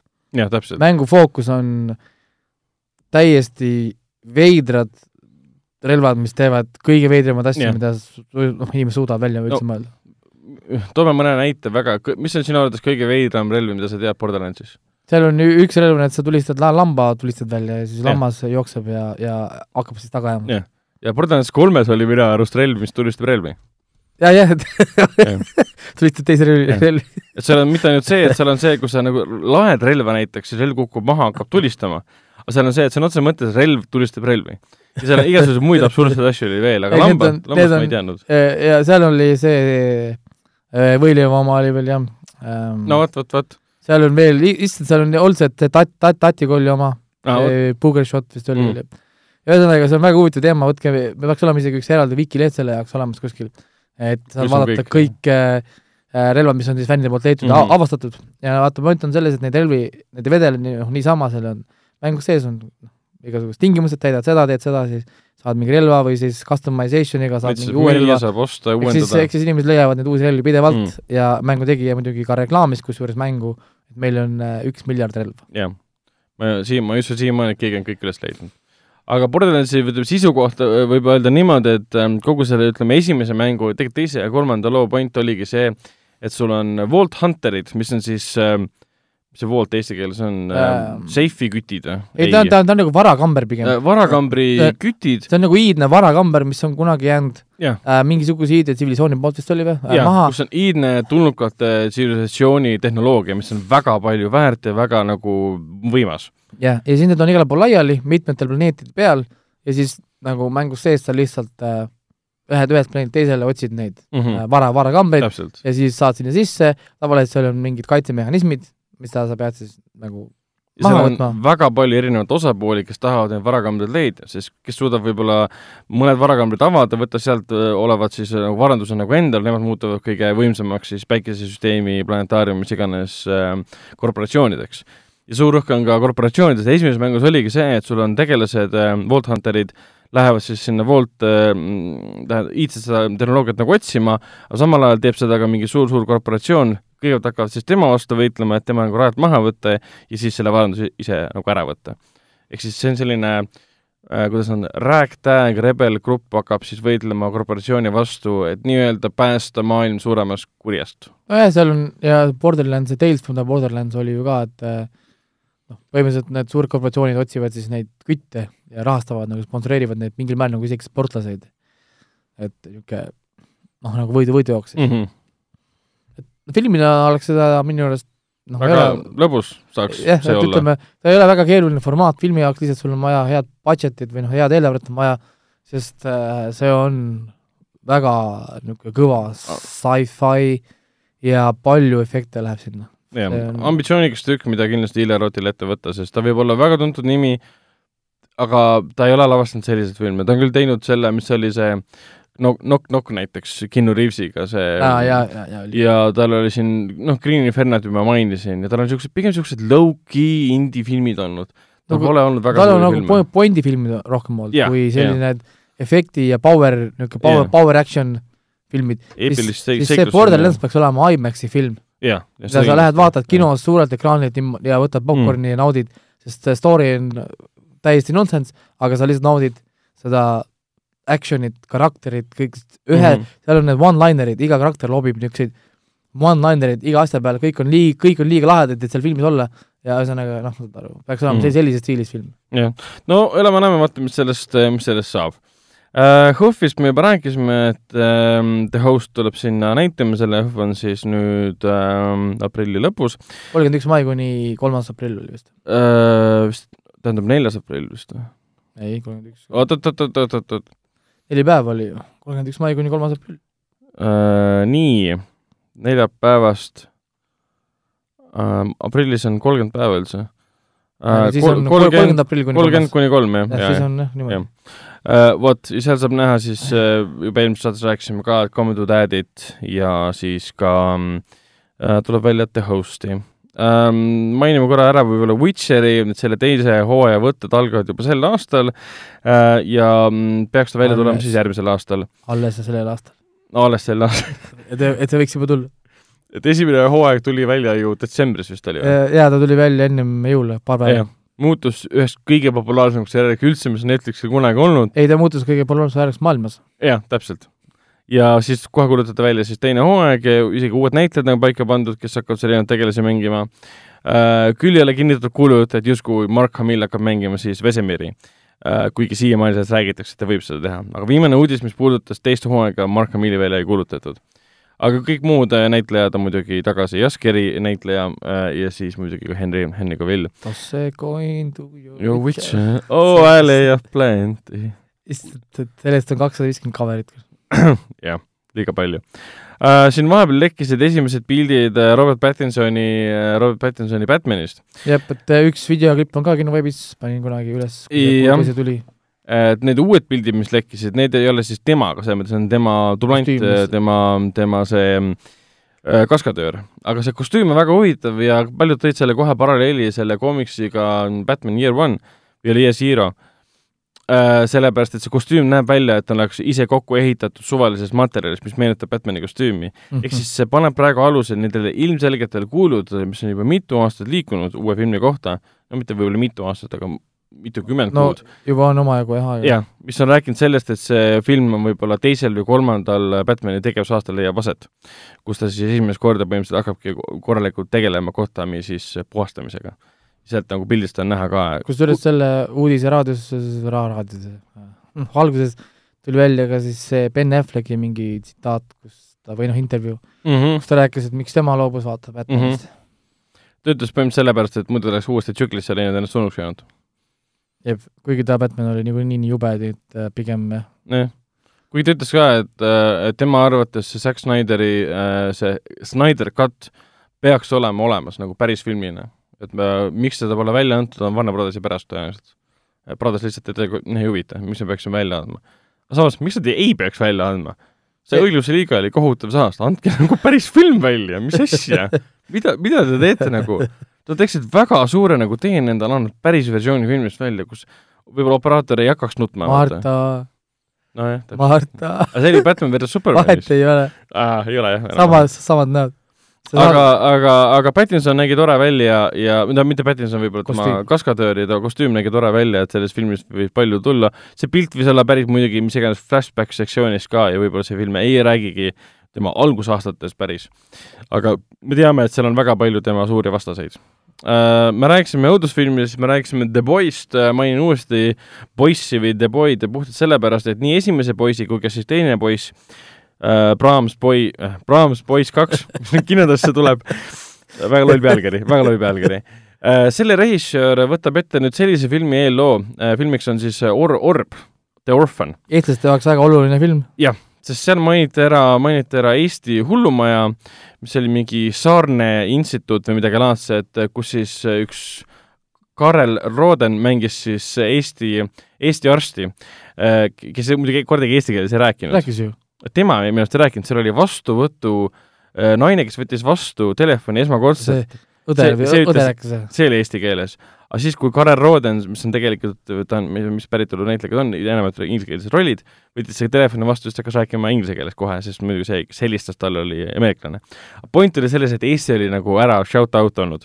peategelane oli ka ju eestlane põhimõtteliselt jah, peategelane on eestlane, teda kehastas Isabel Furman, kogu selle Orphani point oli selles, et seal üks perekond adopteerib endale tüdruku, kes on hästi tore ja nunnu, film lõpus tuleb välja, et see on tegelikult mingi kolmkümmend pluss naine, kes on lihtsalt väikest kasvu ja mängib ennast, et ta on tüdruk ja on see mingi haigus, mingi dvarfism, mis nad seal ütlesid? ja ta tapab siis oma neid adopteeritud vanemaid. ja kõige kurvem lugu on nüüd see, et selle tuleb eellugu. ja see lugu ei leia aset Eestis. see on küll veider ju. see lugu leiab aset, et ta põgeneb Venemaa hullumajast kuigi esimeses filmis, kahe tuhande üheksanda aasta filmis, ta oli Eesti hullumajas, või noh, instituudis kinni. aga nüüd tõsteti Venemaale, ta põgeneb sealt ära, läheb Ameerikasse, kus ta mängib, et ta on rikka perekonna kadunud laps. ja siis hakkab, tekib konflikt selle emaga. et nad vahetasid Eesti-Venemaa vastu praegu välja. sest ma usun, et ühelt poolt on neil võib-olla lihtsam seda teha puhtalt sellepärast, et kui seal on pikad sektsioonid, kust veedab aega Vene hullumajas et nii on võib-olla tuttavlikum Hollywoodile kui see, et Eesti hullumaja näiteks. millest on muidugi kahju. Nad oleksid saanud Laagna teedele kasutada see on see linnahalli. kuulus Teneti, Teneti võtte, võttepaik. kõik võtted oleks saanud linnahallis teha, linnahall näeb tegelikult nagu hullumaja välja kui sa filmid seda eemalt niimoodi, et taustale jääb meri. vot see on see, vot see on nüüd see tsitaat selle kinoveebis pealkiri ka. linnahalli, kas linnahall näeb välja nagu hullumaja? kas linn, linnahall on hullumaja? Oota, ma panen selle kirja kuskile. nii. ei no tegelikult meil läheb Sipsiku pealkiri läheb, ma arvan, et ah, jah, et jah, Sipsik on Eesti uus see Chucky e. Eesti parim õudusfilm kaks tuhat kakskümmend. jah, see on parem, parem õudusfilm kui Fantaasiasaar igatahes oh jumal äh,. aga viimase uudisena mainiks, mainiks ära, mis puudutab Star Warsi, nimelt siin Hollywood Reporter kinnitas vahepeal ära, et ähm, režissöör, kes tegi, mis ta nimi nüüd on? E.J. Dillard. J.D. Dillard, J.D. J.D. Dillard, kes tegi niisuguse päris huvitava ulmefilmi nagu Slate, ma, või Slate tähendab, ma vaatan, kas ta Netflixis on ka, et tema tegeleb järgmise Star Warsi projektiga, kuigi pole teada, kas see projekt kuulub siis telesse või ta kuulub siis filmide hulka, küll aga võime öelda, võtta nagu Bob Igeri tsitaadi, Bob Iger on siis DC CEO, kes ütles, et äh, pärast siis Rise of Skywalkeri linastumist e, et Disney tulevik on televisioonis. ja mis põhimõtteliselt tähendab seda, et Mandalooriani tuleb, tuleb, tuleb järg, järjehooaeg ja tuleb ka väga palju teisi seriaale. Obi-Wani seriaal on juba tulemas, selles mõttes see läks küll pausile vahepeal, Ivan McGregor tuleb tagasi Obi-Wan Kenobi rolli, seriaal läks pausile, sellepärast nad hakkasid kogu stsenaariumit ümber kirjutama ja sest produktsioon jäeti pooleli ja kõik saadeti koju, seal oli mingi su-, päris suur kamm olnud aga see uus Star Warsi filmi kohta on teada ainult seda, et see võib olla film või seriaal, keegi täpselt ei tea. mida me teame Star Warsi tuleviku kohta, on see, et neil vahepeal olid mingid kuupäevad paigas, mis jälle hakkasid vahetuma me teame, et Rian Johnson ehk siis Last Jedi režissöör, Knives Out'i režissöör ähm, on tegelemas ühe triloogiaga ja nüüd me teame, et on veel üks režissöör tegelemas. ja kõik vahepealsed uudised, et Game of Thronesi loojad teevad, langes ära ja siis oli veel paar inimest, kes langesid ära. vot aga mainime filmisoovitusi Foorum Cinemas kinoklassika raames saab endiselt nüüd äh, viimane nädal. veebruaris viimast nädalat vaadata. ei saa ka, tegelikult äh, järgmine nädal on meil kakskümmend kuus, nii et äh, ongi viimane nädal jah, ikka? jah, jah, viimane nädal. kolmapäev päev on viimane, jah. veebruar on juba läbi. nii see läheb. alles algas. veebruar ei ole nii lühike ka see, tavaliselt on veebruar kakskümmend kaheksa päeva või midagi. no me saame ühe ekstra päeva yeah igatahes Sin Cityt saab veel ühe korra Foorum Cinemas kinoklassika raames äh, näha ja märtsis saab juba näha siis helisevat, helisevat muusikat. Äh, Netflixis, miskipärast Raik on siia kirjutanud The Last King Wanted. ja ma, oota, see on nüüd see loogika, kus ma, ma tahan, et inimesed jagaks minu kannatusi. palun kõik võtke ja vaadake ära The Last Thing He Wanted ja äkki teie saate aru okei okay,, see oleks päris hea. aga siis te võitegi meile kirjutada jututuba, et kinoveeb.ee või siis kirjutada näiteks kinoveebi Facebooki inbox'i või kirjutada kuhu iganes, peaasi, et me selle kätte saame.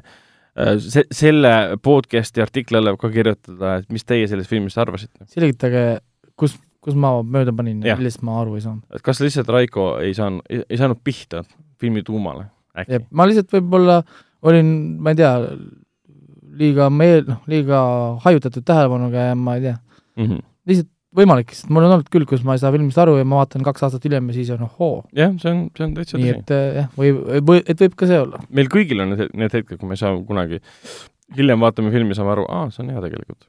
ja lisaks tuleb juba mainitud ka I am not okay with this uus ähm, Supernatural seriaal, mis keskendub siis ähm, ühele neiule, kes avastab, et tal on võimed. ei, see, vot see tundub olevat minule võib-olla järgmine suurem asi, mis siis Netflixis praegult nagu ei, mul ka kindlasti. tõmbab, seal tõmbab, on ju see teine, selle Iti näitleja ka. seal on veel neid jaa, seal oli ma ei mäleta selle poisi nime, aga tema mängis Kaitis. jah, see- seal on- ja, ja muidugi noh, Lock and Key vaadake kindlasti ära, see see on, ütleme, igal juhul tasub vaadata, noh, see, noh, Netflixis on nii palju asju, mida vaadata. mina hetkel kusjuures hakkasin vaatama veel Spectro, hakkasin vaatama see Aasia ja Lõuna-Ameerika koostöös valminud äh, Fantaasia, Mhm. ulme, ma ei oskagi žanri panna, algab kohe sellega, et teemonid ajavad taga. Mhm. jaapanlasi, kes on millegipärast Hispaanias või Portugalis Mhm. või on Brasiilia nüüd, nad, nad räägivad portugali keelt. Mhm. ja siis üks tüdruk, nagu see Jaapani tüdruk põgeneb nagu eest ära, noh nagu kirikusse, kirik keeldub neid aitamast, sest need on Jaapani paganad, teemonid tulevad sisse, tapavad kõik ära, tüdruk äh, läheb laua alla, võtab nuku, nuku kätte, loeb mingid jaapanikeelsed sõnad peale, nuku läheb katki, teemonid panevad, panevad jooksu mm.. siis film juba hüppab tä- tänapäevase aega, kus see nuku juba teeb muid asju. et esimesed kaks episoodi, mis ma olen vaadanud, on äh, äh, huvitavad huvitavad, ma, ma ei oska öelda, kas ma olen väga rahul või ei ole rahul, aga hetkel igal juhul ma see on jah, kui keegi nimetab midagi, et see oli huvitav, siis see tähendab seda, et inimene pole veel veendunud, kas see oli nüüd hea, mis ma nagu, ma veel ei tea, sest kõik sõltub, kuidas see sto-, see story on hästi oluline osa. kui nüüd story on nagu, mängib välja hästi, siis see on väga hea sari. mm. -hmm. kui nüüd see paneb puusse, siis on see kõik, siis on see väga sloppy. ma, ma räägin, ma hetkel ei tea. no selge uh,. Telia HBO-st äh, mina soovitan endiselt vaadata kõrvalseisjat ehk siis The Outsiderit, millel nüüd ongi vist üks episood jäänud, ehk siis järgmisel nädalal tuleb viimane episood ja siis tegelikult ju ka Hugh Laurie äh, seriaal ähm, Avenue Five äh,, mille looja oli see mm, Janutsi vist, kui ma ei eksi ähm,.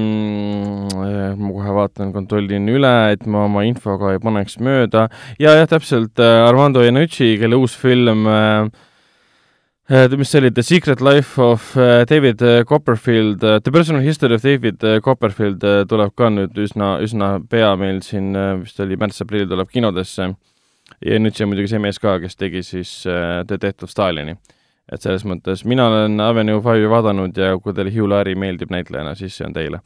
Amazon Video Prime'is alustas Hunter, mis on siis Jordan oli vist Jordan Peele'i produtseeritud, tähendab, Jordan Peele'i poolt nagu executive produtse-, produtseeritud, ehk siis ta ei ole seal nagu päris produtsent. tema on see, kes raha andis, andis raha, täpselt, Jah. jah. ütles, poisid, lapsed, minge mängige. tema on see, kes i- investeeris, aga film, film teenib, hakkab sealt äh, pealt ära kraapima. ja, ja mida lapsed tegid, oli see, et nad tegid äh, seriaali, kus Al Pacino juhib seltskonda, kes tapavad natse New Yorgis. see on väga safe asi, mida teha Ameerikas. jah, see on, õnneks on nagu leiab aset minevikus ja see põhineb kaudselt tõesti sündinud nagu ähm, in, infokildudel ka äh,, selle koha pealt see põhineb nagu erinevatel jut-, juttudel. põhineb kaudselt, ehk siis Mm. mm. asukoht on sama.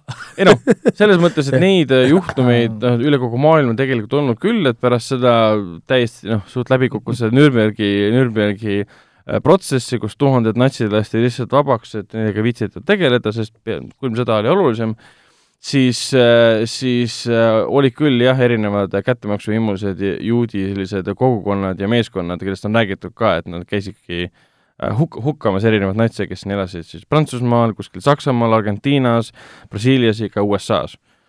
et mingi lugu oli ka, mille kohta ma lugesin, et äh, vist käisidki kuuekümnendatel niimoodi, et leidsid ühe natsi üles, endise, läksid tema juurde, ütlesid talle, et me tuleme järgmine päev tagasi, tulid järgmine päev tagasi, siis tüüp oli ennast üles poonud. siis nad teadsid, mis temaga tehakse, siis kõik mu sõbrad olid poolt ära aga, aga paar asja tahaks veel öelda, Tõde ja õigus on olemas nüüd Telias, jah, on. saate vaadata seda, teine asi on ETV kahes on äh, Benedict Cumberbatchi sari jaa, see Mello äh,, mitte Mel-, Patrick Melrose. jah, ma olen kogu aeg segamini Et,, Mello's äh, Place ja siis see see on nüüd see, mis, mille kohta öelda, võib öelda kvaliteetsari väga, nagu väga nagu lihtsalt. et, et siin noh, ma pole ise seda muidugi näinud, aga ma olen näinud minu tuttavad, kellel on sarnane maitse kui minul äh,, hakkasid sellest Facebookis pläkutama, üldiselt kui mingi asi ikkagist juba niimoodi äh, sulle nagu muljet avaldab, et sa pead minema seda nagu jagama Facebookis, siis peab seal midagi olema. aga miks sellest nüüd alles rääkima hakati? see on kaks tuhat kaheksateist aasta seriaal, ma ei tea.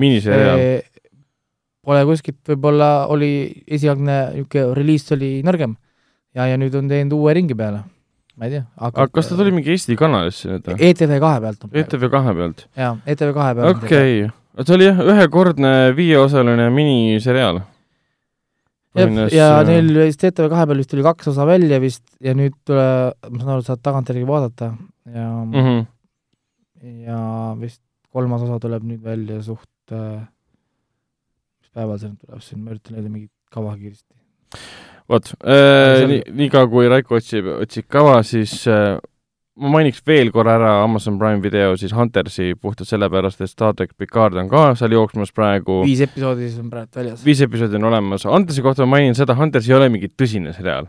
see on Tarantino, Esco ja Tarantino stiilis äh, selline mm, B-filmilik äh, täiesti nagu niisugune mitte slapstick, aga mis on see õige sõna, eksplo-, eksploatiivne, exploitation äh, märul. selles mõttes, et see Jah, on, põhineb ka mingil äh, koomiksil kaudselt umbes niimoodi, et see ei ole mingi tõsine asi, kus on mingi, peab ette valmistuma mentaalselt, et seda vaadata äh,. oota, mida sa kontrollisid? aa, millal järgmine episood Patrick ja ma ei leia seda, ühesõnaga ta kaks tükki on väljas ja ma ei tea, millal see kolmas tuleb, sest ma ei Mhm. saa sellest. no ma arvan, et ta tuleb vist iga nädal siis äh, aga no nüüd on selles mõttes see kaks ja pool meest on ka täispikkuses olemas nüüd Prime'is. aa, kui nüüd keegi tahab vaadata, siis äh, e meie Eesti noh, Prime'is saate vaadata nii nagu tahate. ma isegi ei tea, kas ma kunagi vaataks seda. sinnamaani, kuni Charlie Sheen, Sheen on on täitsa sinna ma isegi vaatasin, kui ma arvan, et Charlie Sheen tuli, siis mul jäi pooleli. mitte Vaatasin- ma vaatasin kolm-neli episoodi mitte Charlie Sheen, vaid see Kutšeriga, Kutšeriga täpselt, vaatasin paar kolm-neli episoodi, siis ma andsin alla. jah, see ei olnud enam see. Vot äh,, Apple TV plussis soovitame endiselt vaadata, ma arvan, et Raiko nõustub minuga, Seed, ja nad on nüüd, sellest nädalast on ka Eesti Apple TV-s olemas. me saime ühe, me saime, kaks nädalat saime siis äh, hiljem kui Ameerikas. oota, mis see nüüd tähendab siis? et sa ei pea enam ostma iPad'i, et vaadata Mythic Questi, nüüd sa võid vaadata niisama. aa, okei okay., ja sellega koos tuli ka Hala, see film tuli mm -hmm. ka Mhm. meile ja nüüd äh, tuli ka treiler välja siis sellele Samuel L Jacksoni ja see Maci Anthony Mackie filmile see Anthony Mackie filmile tuli ka korralik treiler välja nüüd, nii et Mhm. kakskümmend kaheksa veebruar tuleb see äh, Apple'isse. Ja ma mõtlesin, me pole rääkinud Youtube or originalidest, Youtube'is tegelikult on ka elu vohab, elu käib. Ja ma mõtlesin ka, et ma võtan nüüd järgmisest nädalast ette korra, vaatan. selle Justin Bieberi ei, seda ma vaatasin juba, ma seda vaatasin juba, jah. see oli ta- tasuta, tasuta va- vaatamiseks selle promo käigus neil siin, ma vaatasin ära selle. uh,. okei okay., mis sul enda kaitseks öelda? see oli jumala asi oli see, okei. väga hästi tehtud, ta selgitab oma seda läbipõlemist. aa, no selles ta- mõttes jah. miks ta jättis selle tuuri pooleli, vaata, ja siis see kaamera käib tal järgi, kuidas ta näiteks läheb äh, oma sinna Kanada koju, vaata mm., Mhm. kus ta oli, kus ta tegi oma Youtube'i channel'eid. ja inimesi polnud kodus, vaata, kui Justin Bieber tuli noh, oma kodu vaatama Mhm. ja, ja siis, ja siis pärast, kui see noh, seal äh, Youtube'i video all, vaata, original oli see pere kommentaar. kurat, me ei olnud kodus, kui Justin Bieber käis. okei, noh, ei, selles mõttes väga hästi, tema on, tema naine on ka, ma tean, et kusjuures ma tean, et Justin Bieber on abielus, enne kui ma hakkasin seda vaatama. Justin Bieber on abielus või? jah yeah,, tal on naine, tal on täitsa nagu abielus nagu naine., ta põles läbi vahepeal, ta jättis tuuri ta jättis põhimõtteliselt äh, Justin Bieberi, see on lühike ka, see väga vähe episood oli. niimoodi, et äh, algab ka sellega, et ta jätab suure kontserttuuli pooleli mm. tal oli mingi üüber maailmaturnee, mingi sada kuuskümmend kontserdit või mingi täiesti mingi mm loll number kontserdid. kuskil saja kahekümne juures või sada kuusteist või noh, ütleme seal teis-, teis-, te, viimases kolmandikus Justin Bieber ütleb, helistab oma sellele agendile, et kõik, kõik mis, kõik, ma ei taha enam äh, laulda ma ei taha enam tantsida, ma ei taha, ma ei viitsi, mul on väsinud kopp ees. keset tuuri? jah, ja, ja, ja jäeti ära ja Justin Bieber kadus ära aastaks kaheks. ja siis see dokumentaal räägib sellest, mis siis nagu, mis siis nagu juhtus ja mis siis inspireeris seda nagu uuesti tagasi tulema, kui ta nüüd tuli tagasi oma muusikaga, asjadega, kuidas see protsess nagu käib, kuidas see naine tegelikult toetab, see on hästi palju sealt näha, kui palju Justin Bieber ise tegelikult teeb stuff'i mm. -hmm. noh, nagu mina mõtlesin, ta on nagu rohkem selline noh, nagu post, poster boy, et ta lisatakse stuff'i ette kogu aeg umbes, et noh, laula seda, palju ta ise kirjutab muusikat, palju ta noh, ühesõnaga pär-, muutis minu jaoks päris palju nagu arusaamist, kes on Justin Bieber mm. -hmm ma peaksin vist ennast jah, Justin Bieberiga kurssi viima, sest äh, minu viimane kogemus tema muusikaga oli, oligi vist see Baby, siis kui see välja tuli et ega ei, mina ka absoluutselt ei tundnud nagu huvi, ma siis teadsin kogu aeg igal pool mingi uudistega käis läbi, aga nüüd, kui ma vaatasin selle nagu ära, siis tegelikult sa saad aru, noh, miks ta on nii kuulus või mm -hmm., ja, ja kui palju ta tegelikult nagu oskab ja teab nagu muusikast, vaata mm. -hmm. see oli, noh, ma mõtlesin, ta ongi lihtsalt niisugune nagu noh, ma ei oska öelda, moodne posterboy no. lihtsalt il, ilus niisugune britiboy, talle antakse, laulab hästi, on ju, antakse ilusat noh, ma ei tea, mängi, tee, tantsi, on ju. kui noh, milline see tema protsess tegelikult on ja üldse noh, see perekond ja noh, ühesõnaga kõik asjad, see rahaga ka, ta räägib rahast ka, noh, kuidas see kõik mõjub ja mina ei tea, minu arust väga hea asi. ma vaatasin veel seda teist, noh, mis ma lappasin siin Original, vaatasin seda Robert Downi oma, kus ta räägib sellest ai tõusust ah,. ma vaatasin lõpuks, ma lõpuks vaatasin seda Kid, Kid Cobra, mis on siis järg sellele aa ah,, sellest ma olen kuulnud äh,, jaa, jaa, jaa, Karate Kidi järg siis. see on väga hea asi. millest, miks inimesed räägivad sellest rohkem ah.? ma olin nagu üllatunud, selle teine hooaeg ka, on ju, ja nüüd ma hakkan jõudma sinna punkti, et ma pean kuradi Youtube Premiumi ostma. ja see on siis Karate Kidi järg, mis on seriaal, mis räägib sellest poisist ja see on nii palju vastane. parem, see on nii palju parem kui Karate Kid ah.. Mm. nagu, nagu real story. ja ma tasu, tasud otsad on mul otsas kõik, nüüd ma pean äh, Youtube Premiumit hakkama vist võtma. ja, ja veitsa häirib mind, sest ma ei taha rohkem asju juurde võtta. nojah, selge, järgmisest nädalast me hakkame tegema siis ka Youtube'i, Youtube'i nädala filmi ja seriaalisoovitusi aga ma arvan, et äh, selle noodi pealt äh, lõpetame, järgmisel korral Aitäh näeme koos, äh, koos juba Hendrikuga, oleme siis kolmekesi, tšau! tšau!